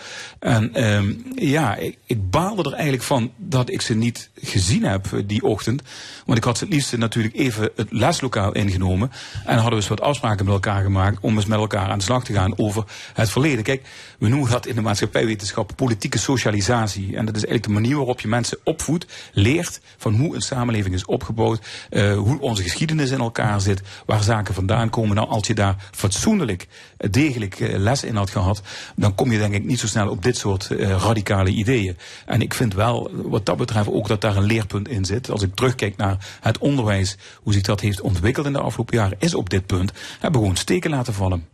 Ja. ja. Is dat zo? Ja, want ik zou denken, juist de, dat je daar als maatschappijleraar, uh, Zeker, leraar maar, maatschappijleraar, dat je daar juist alert op bent. Ja. In de geschiedenislessen, nou ja, allerlei ja, soorten lessen. Maar eh, als je naar de lesroosters kijkt van, huid, van de huidige leerlingen op de scholen, dan zie je dat het aantal uren voor bijvoorbeeld de vakken geschiedenis, aardrijkskunde of maatschappijleer is gewoon teruggebracht. Het moest wiskunde zijn. Uh, daar, uh, daar, en de wiskunde prachtig vak en belangrijk. Economie, maar op, marketing, ja, precies. Ja, uh, allemaal de rationele kant van het onderwijs, die heeft alle aandacht gekregen, maar niet de maatschappijvakken. Ja. En ik, ik denk ja. echt wel ja. dat je daar af en toe gewoon ook de rekening van gepresenteerd krijgt. Maar, het, maar het is, als ik mag, het is meer dan onderwijs. Dat, ik, ik, ik heb de, de Duitse historicus Philip Blom, die heeft een interessante verklaring voor dit fenomeen. Hij noemt het het opleven van de autoritaire droom. Uh, het idee dat uh, de liberale samenleving, de democratie waarin wij leven, dat die niet levert. Dat die niet, niet functioneert voor grote groepen. En dat herkennen we denk ik wel. Ja, de roep om de sterke man. De roep om de sterke man. Hè? Dat is al, al jaren aan de gang. Kijk naar Trump, kijk naar Bolsonaro, kijk naar Orbán in Hongarije. Het idee, maar ook het idee dat een globale elite, hè, dat die, dat die gemeenschap in de steek laat. Dat tradities verloren gaan, dat familiewaarden er niet meer te doen, dat alles om gender draait. En, en dat je als het ware niet meer, niet meer meetelt. Ja, ja. nou heb ik een stuk heb ik gelezen. Jullie hebben het ook eh, gelezen, begrijp ik. Wat mij wel opvalt is de, de, de omvang van die bewegingen. Eh, dat is tamelijk onduidelijk. Ja, misschien is het beperkt tot een paar jongens die op een zolderkamer wat van dit soort idioterie uitkramen. Mijn, mijn hoop, eh, mijn hoop, en ik denk ook wel dat het gedeeltelijk zo is, is dat er natuurlijk een, een, een- groot gedeelte van, van de mensen die in zo'n groepering zitten meelopers zijn. Die het gewoon stoer vinden of ruik vinden of eh, weet ik niet, die achter dan de leider eh, aanlopen. En eh, ja, die er verder ook niet nadenken en totaal geen besef hebben eigenlijk wat ze überhaupt zeggen. Heel vaak zeggen mensen iets. Dan denk ik, hoor je wel wat je zegt? Denk, besef je wel wat je eigenlijk... Ja, en ik denk dat die jongens, of meisjes, zullen er ook bij zijn, personen, eh, eh, dat besef niet hebben. Maar ze vinden het gewoon stoer. Maar die ene, die grote leider, die, eh, die daar dan wel zit, en die willen zijn wetens de boel opfokt en op, op ra- hoe noem je dat? Hè, opjaagt, op, opfokt, gewoon. Die, die zou je eruit moeten pikken. Ja. En, die, en die moet je, ja, cru gezegd, nog uitslaan. En dan valt de rest wel een beetje uit elkaar, denk ik. Maar toch denk ik dat je ook iets moet doen aan de, aan de oorzaken. En eh, sociaal-economische achterstanden bijvoorbeeld. En die zijn er natuurlijk in Limburg. Hè. In, de, in, in hele Noord, in, de, in delen van Parkstad. Zijn gewoon zijn veel wijken waar mensen ja, en niet al te florissant eh, voor staan. Dat is toch een soort voedingsbodem voor onvrede, voor, voor ongemak. En dan ben je vatbaarder voor dit soort eh, praatjes. Ja, maar de, vraag, maar de vraag is, hoe- ja, heeft het enige omvang? Hè? We zien daar zes mensen, inderdaad, staan, ik, ik, zei ook, hè, die, dat er zo'n foto, zag ik ook in de krant, staan er een aantal mensen die inderdaad zo'n vlagverbranding blijkbaar doen bij zo'n grot. Ja, als er zes zijn, denk ik, ja, dat zijn er zes te veel, maar ja, ja, ik- ik- maken we het ook niet groter dan het is misschien? Nou, eh, laat ik zo zeggen, ik vond het wel super dat eindelijk zoveel aandacht eraan besteed is in de krant. Hè, en eh, wa- waar die anonimiteit inderdaad van deel wordt opgeheven. Dat is goed. Ik vind het ook heel knap dat gelukkig die mensen die die boodschappen op de brug en op, eh, in Venlo op dat gebouw, dat die opgespoord zijn. Maar als je bijvoorbeeld kijkt, de, de verspreiding via Instagram, maar je zag dat er heel veel volgers, ik geloof bijna 400 eh, volgers had dat account. Ze zijn, er- die sociale media die zorgen ervoor dat boodschappen heel snel verspreid worden. Dus het kan ook heel snel oppoppen. Dan komt nog een ding, en dat valt mij ook wel op als ik nu weer eigenlijk na 30 jaar opnieuw over de klas sta. Dat je ziet dat ehm, de Tweede Wereldoorlog, ehm, er is natuurlijk een hele generatie opgegroeid die daar ver van af staat. Eh, die, die dat nog wel van opa en oma hebben gehoord. Maar op een bepaald moment wordt de Tweede Wereldoorlog, net als die andere onderwerpen, of het nou over de Romeinen, Napoleon of wat dan ook gaan. Ehm, wij slagen er onvoldoende in eh, om ook die boodschap die in die Tweede Wereldoorlog zit, want die was natuurlijk niet afgelopen in 1945. Ja, ook al die generaties daarna hebben last gehad van die oorlog. En dat gebeurt opnieuw, als je nu naar de Oekraïne kijkt. Dus er is lesstof genoeg om eh, met deze jonge generatie te delen. Alleen besteden we daar te weinig aandacht aan. En dan wil dat ook niet zeggen dat alleen de school dat zou moeten doen. Maar ook eh, ja, gewoon in, in, in de hele opvoeding, daar, daar zit ook het welzijnswerk, eh, maar ook de, de verenigingen enzovoort. Of thuis wat daar gebeurt. Het praten over oorlog en vrede. Ja. Ja, dan, dan heb ik nog wel een, eh, nog wel een mooi, mooi punt, ja? denk ik. Het is morgen eh, 80 jaar geleden dat eh, Limburg judenvrij werd verklaard. Dat las ik vanmorgen op de website van de Limburger. En als je daar naar gaat kijken, dan zie je dat eh, eh, Limburg zich daar, zich, daar heel erg in onderscheiden heeft. Waar in, eh, zeg maar in Nederland ongeveer een kwart van de Joden het heeft overleefd door onderduik of vlucht, is dat in Limburg de helft, dubbele. En met name in Brunsum, dat zal jou plezier doen, Luc, en in Heerlen zijn relatief veel Joodse kinderen ondergedoken geweest. Die hebben de oorlog overleefd. Ik wil maar zeggen, hè, we hebben het over, over, dezelfde, over dezelfde provincie, we hebben het over dezelfde steden. Dat moet je ook in je geschiedenisonderwijs benadrukken. Dat, je, dat je daar, eh, de- de- hoe, hoe dat nou precies gegaan is. Dat klopt. Ja, ik, ik weet inderdaad in Brunsum, ook door de, de stichting Al de Wereld, die daar eh, heel actief op dit moment in is, eh, wordt daar ook heel veel tijd aan besteed. De pompgebouwen die daar een rol in hebben gespeeld. Ed van Tij die daar ondergedoken heeft gezeten. Dus die verhalen worden wel iedere keer opnieuw tot leven gebracht. Dat is heel goed. Maar je moet het blijven stimuleren dat het verhaal verteld wordt. En Ja, ik vind dat geschiedenis een verplicht vak zou moeten zijn van, eh, van de eerste klas tot en met het eh eindexamen. eindexamen, ja. precies. Dat, Dat is ook. bij lange na niet zo. Maar Als je dan maar niet al die jaartallen uit je hoofd moet leren, want dat vond ik verschrikkelijk. Nee, maar, Dus maar, maar- de essentie, ik snap wat je zegt. Dus je de- moet de verhalen vertellen. En, En- maar dat zou je ook in andere vakken mee kunnen nemen. Hè? Dat hoef je niet alleen te beperken tot eh, geschiedenis of maatschappijleer. Je zou, die gedachten zou je ook in andere vakken mee kunnen geven. Ik. van het geschiedenisonderwijs is altijd goed. Ja, en, eh, ga met die jongens en meisjes op pad. Laat, laat ze plekken zien waar dingen gebeurd zijn. Laat, vertel die verhalen. Laat documentaires zien in de klas. Het kan op een hele aansprekende manier. Dan gaan we even naar het voetbal. Er is een half uur gespeeld bij de wedstrijd Willem 2, VVV. Rick Remers leidt eh, VVV nog altijd met 1-0. Nee, je komt precies op het goede moment als er gescoord is in de Toelsclub op gelijke hoogte is gekomen. Op zich begrijpelijk, want VVV had niet zo heel veel in te brengen qua wedstrijden. Uiteindelijk is het Hoornkamp met een schot, doordat de bal verloren wordt, dat de gelijkmaker doet aantekenen. Het stadion 4-4 is, want het is op een paar plaatsen nog uitverkocht. En het is dus weer eind tegen eind. We zitten inmiddels in de 31ste minuut van de wedstrijd. Dus hij is nog heel veel mogelijk. Onder heerlijke omstandigheden kunnen beide ploegen weer opnieuw beginnen. VVV staat aan de aftrap. Sven Braken is de man die de aftrap gaat nemen. Maar ze kunnen weer opnieuw beginnen. Ze hebben maar een kwartier kunnen genieten van de 0-1 voorsprong. Ja, het is tegenwoordig om de havenklap raak op de Nederlandse voetbalvelden. Trieste dieptepunt deze week. De bloedende hoofdwond van Ajax-speler Klaassen nadat hij werd geraakt door een aansteker. Ja, de KNVB kwam meteen met een serie maatregelen. Eh, vanaf nu wordt de wedstrijd gestaakt als een speler wordt verwond of wordt aangevallen door een toeschouwer. Zet dat zoden aan de dijk. Dat is te laat, hè? Dat is niet vanaf nu, dat hadden ze gewoon meteen moeten doen. Ze hadden gewoon niet meer moeten beginnen. Wat een kwaadjoek wat er gebeurt. Hè. Dat is toch... Eerst hangen ze al overal netten op. En dan, wat ik al belachelijk vind, dat dat überhaupt moet. En dan, eh, waar het net waar dat stuk net niet, niet hangt, daar, eh, daar gebeurt het dan. Nee, ik vind dat ze gewoon op dat moment hadden moeten zeggen, stop. Klaar, als jullie niet eh, willen horen, dan maar voelen. Ja, maar dat nieuwe pakket, heeft dat zin? Zal dat werken?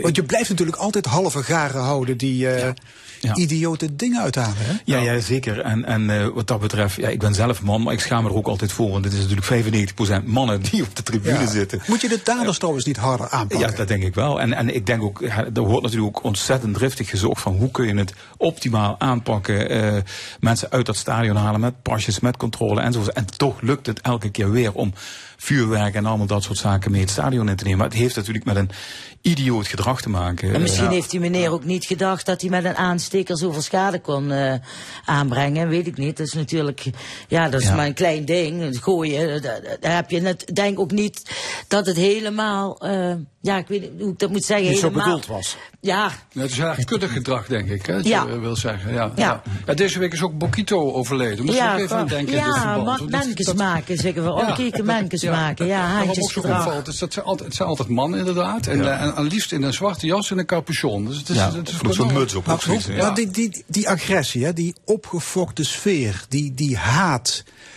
Waarom krijgen mensen het, het schuim op de bek als ze in een stadion zitten? Ja, blijkbaar is het een uitlaatklep. En ik moest het, eh, in jaren tachtig had je het ook. Hè. Ik kan me herinneren bij Feyenoord een keer een vechtpartij met, met tot, eh, Tottenham Hots- Hotspur. Ja, de eh, hooligans. honderden mensen die elkaar eh, bont en blauw slaan. Ja, toen was er ook veel onvrede in de samenleving. Krakersrellen, werkloosheid. Nu is er ook eh, ja, polarisatie, de pandemie. hebben voetbal is oorlog, hè? Ja, Het spel van, is ook bedacht als, is het eh, eigenlijk, toch? Ja, maar het, het spel is be- eh, de spelen zijn bedacht om, om, om, het echte oorlogsvoer een beetje na te apen op het veld. Dus eh dat dat wordt ook, nee, maar er wordt ook, Maar je kunt, ook ook een, vijand maar je kunt ook een box, boxbal kopen en die thuis ophangen. Ja. Ja, maar dan ben je denk ik zeer verantwoordelijk bezig. Ik denk dat het fijner is om met je vrienden inderdaad op, het, eh, op, het, op de tribune te gaan zitten en daar gezamenlijk los te gaan. Want dan ben je ook een beetje anoniemer, hè, denk ik, als je in een groep... misschien is het wel een oplossing. Ik las, ik las vanmorgen een column, ik weet niet meer van wie. En zei, je moet met je kinderen naar het stadion gaan. Want geen mens doet dit waar zijn kinderen bij zijn. Dan schaam je je kapot. Nou, ook als man, ja, dat, dat doe je gewoon niet. Ja, maar die Dus met mensen hebben meestal geen kinderen, denk ik. Of nog geen kinderen, denk ik. In Spanje gaan en ze niemand durft meer met zijn Ja, ja. kinderen naar de... Naar de eh, eh, Dat, dat is ook een beetje het dilemma. Kijk, eigenlijk is voetbal hè, eh, is natuurlijk een heeft een ongelooflijk verbindende werking. In welke stad, in welk welk land dan ook. Kijk maar naar Nederland zelf dan als het gespeeld. Ja, voor het land zelf. het Niet land. zodra ze tegen een ander land moeten, dan Precies, is het... eh, dan neemt dat toe. ze Maar tegen de Pruisen voetballen. daar, zit een, daar zit natuurlijk een, een, een gezonde grens ook in van waarin het nog leuk is en waarin het ook goed is. En waarin ook een soort competitie opgedreven wordt. Maar het gaat ook vaak, te vaak een grens over. En dat is een kleine groep, wederom een kleine groep. Waar je dan van denkt van ja, daar moeten dan weer zoveel maatregelen en zoveel politie ook, zoveel politiecapaciteit voor worden ingezet. Het gaat allemaal ten koste van de normale politiezorg. En dat is, dat is vreselijk. Het is een hele lastige afweging. Het is eigenlijk allemaal hetzelfde probleem, denk ik. Het is, als het Welk- vorige welk probleem is onderwerp... het? en als het, ja, ja, de, eh, ehm, de, onvrede, de, de, eh, hè, de on- onvrede van mensen, de, ja, die agressie, die onderhuidse agressie die er nu weer zit. Waarom, waarom dat komt dat altijd alleen maar bij voetballen het is toch trouwens? niet alleen maar bij voetballen. eh, eh, bij- ja, als bij als- wielrennen bij de zie ik sport. niet. Nee, ja, of je moet iemand per ongeluk in de hekken duwen, weet ik niet. Maar, Maar is de samenleving een te hoge drukpan geworden? denk ligt het het- wel. Ja, Nou ja, in denk ieder het geval, wel. eh, in in die, dat, ook dat is van alle tijden. En, en overal en altijd is gezocht naar hoe kun je de druk ervan aflaten. En eh, gelukkig zijn we zover in onze beschaving dat we ons eh, gelu- ja, voor, voor 95% fatsoenlijk kunnen inhouden. En ook de meeste mensen zich daar aan houden. Maar er is natuurlijk ook een groep die losgaat. En dan denk ik ook wel eens van, als ik dan kijk naar het gebruik van alcohol en drugs in een stadion. Waar ik van denk van ja, ook daar zou je toch strakker in moeten optreden. Maar ik denk ook dat de clubs gewoon bang zijn voor die harde kern. Als je bij Feyenoord kijkt, die, dat is een- echt een hele grote eh, fanatieke groep. Ik heb het idee dat ze ook niet echt maatregelen durven nemen. Omdat dan het stadion eh, half leeg loopt. Of dat de club eh, failliet gaat. Ja, het ligt heel gevoelig dan. Ja, ja. Of de directeur eh, wordt bedreigd, persoonlijk? Ja, bestuur en directeur die worden thuis opgezocht. Misschien gemengde elftallen. Dat is een goeie. En net zoals Dat een is een goeie. korfbal. Dat is ook nooit Ja, geen dat, dat doen wij. Ik, ik speel Ja. eh, walking voetbal. En dat is Gewoon een gemengd. gemengd, Ja, en- en eh, kijk maar, nooit- bij, vrouwen, bij vrouwenvoetbal hoor je dat niet, hè? Die, die excessen. Dus eh, misschien is het toch iets mannelijks. Het Bruine Café dreigt uit te sterven. In eh, tien jaar tijd is een derde van dit soort cafés in Nederland verdwenen. Ehm, ik weet niet, eh Rezi, ja, jij hebt een café. De, de, ma- de, de mannen aan tafel, eh, frequente bezoekers van het Bruin Café? Ik ga wel eens, ik vind het heel gezellig. Eh, ik heb trouwens het idee dat het eh, in Heerlen, waar ik woon, dat het daar wel meevalt. Pakagesplein is één groot bruin café. Dat is hartstikke druk. Ja, ja, ik woon hartje Maastricht, dus er is geen ontkomen aan. Eh, we komen er toch wel regelmatig. En, en, en ja, gezellig, erg Ja, fijn. ja. in de stadcentra gaat het misschien nog goed, maar in de buitenwijken en in de dorpen is het allemaal wel, wel moeilijk. Moeilijk, moeilijk. Rezi, ja, jij hebt Ja. zo'n soort café, hè? Eh, los van je eigen werk, eh, dat je er natuurlijk geld mee verdient. Maar wat, wat zou er verdwijnen als dit soort cafés er niet meer zouden zijn? Een plek waar mensen eh, alleen naartoe kunnen. Zonder aangekeken te worden, waar je na het werk naartoe kunt, in je werkkleren, waar je niet aangekeken wordt op eh, dat je alweer aan de bar zit en een biertje drinkt. eh, waar je een beetje zonder vooroordelen gewoon kunt zijn zoals je bent. hè. Where everybody knows your name. Het is echt een vreselijk pathetisch liedje, maar het klopt wel. Ja. Clichés zijn waar. Ja, maar wa- waarom zouden dit soort zaken verdwijnen? Nou, ik was net ook in de auto aan het denken. En, en eh, zeggen ze altijd Rezi, eh eh, kastelein of kroegbaas. En dat is het ook. Ik ben geen horeca-ondernemer. En tegenwoordig is alles een onderneming. En ze hebben meestal niet maar één zaak, maar twee of drie of vijf. En eh, met alleen drankjes verkopen en... en hè, dat werk wat ik doe, ehm, ja, daar word je niet rijk van. En ik weet nog dat mijn boekhouder dat twintig jaar geleden, ik zit er nu al twintig jaar, al zei van Rezi, waar ga je aan beginnen, daar word je niet rijk van. En dat is ook niet ons doel. Maar heel veel mensen die willen daar niet alleen hun levensonderhoud aan, aan eh, in voorzien, maar die willen daaraan verdienen, Hm. Oké. en rijk worden. Ja, en sloop- dat kan niet met Nee, zo'n kroeg. Dus dan sloop je het interieur eruit en dan maak je er een hippe koffietent Ja, van. en dan eten en weet Ja. ik veel. Ja. En, en- en mensen willen ook geamuseerd worden. Ja. Ja, en Ja. ik denk, corona heeft er heel veel aan meegewerkt. Want er zijn mensen thuis met vrienden bij elkaar gekomen. Met blikjes bier van 29 cent. En ik denk, hé, hey, ook gezellig, ook Ja. leuk. Ja, eh, toch, er zijn mensen die maken zich eh, ja, bezorgd over het Bruin Café. Eh, deze week een bijeenkomst van verontruste kroegtijgers in Tilburg. Eerder kwam de PvdA in Amsterdam met een plan om Bruin Cafés tot cultureel erfgoed te bestempelen. Mhm. Dat je het interieur zou, eh, ja, als gemeentelijk monument zou, eh, zou kunnen aanmerken om te voorkomen dat het allemaal verdwijnt. Ja, ik, ik moest ook de hele tijd denken aan het liedje van eh, Herman van Veen, Adieu Café. Dat ken je wel, Ja, Rezi. ja. Ja, en, de- en de laatste zinnen die zijn, eh, de wet heeft recht gedaan, dus die cafeetjes gaan eraan. En, en hij zegt eigenlijk in het liedje dat er zoveel wetgeving is bedacht, dat het ook voor een ondernemer bijna, niet- eh, ondernemer, Ja. sorry, Ja. eh, iemand die... Ja, ja, ja. ja, het is wel natuurlijk wel een Maar onderwerp. zou, maar zou, zou er iets van, ja, zou er een bescherming moeten komen? Zou dit... Ja, nou, ik, ik, ik- vanmorgen dacht ik nog, het is toch wel typisch. Hè? Wij zitten in een, in een beetje gekke tijd. Wij doen er alles voor om de beveren weer eh, zijn klimaat te geven, zijn biotoop te geven. De ooievaar, de wolf en iedereen. Nou, en weet je wat? Wij mogen onszelf nu ook eens tracteren op gewoon weer de warmte van de gezelligheid van een bruin café in ieder dorp, op iedere hoek. Heerlijk, niet? Ja, zeker, zeker. Maar Gemeentelijk ik denk, beleid. Ja, ik denk dat, eh, eh, ik, heb van die, van die, van, eh, want die komen dan ook in een kroeg, hè, van die eh, conspiracy eh, theo- theoristen. En die zeggen van ja, dat komt omdat in een kroeg is, is anarchistisch en er wordt te veel gepraat en het wordt, wordt van overheidswegen wordt dat eh, eh, de kop ingedrukt, zodat wij eh, niet op radicale ideeën komen. Hartelijk dank. zoiets. Discussiepanel. eh Rezi Koumans, Luc Wienans, Armo hè. Dit was de stemming vandaag gemaakt door Edwin Maas, Fons Geraas en Frank Ruber. Graag tot volgende week zondag om 11 uur. En dit programma is na te luisteren op onze website l1.nl. Zometeen op deze zender Sport met onder meer het vervolg van Willem 2 VVV. Tussenstand 1-1. Ik wens u nog een mooie zondag.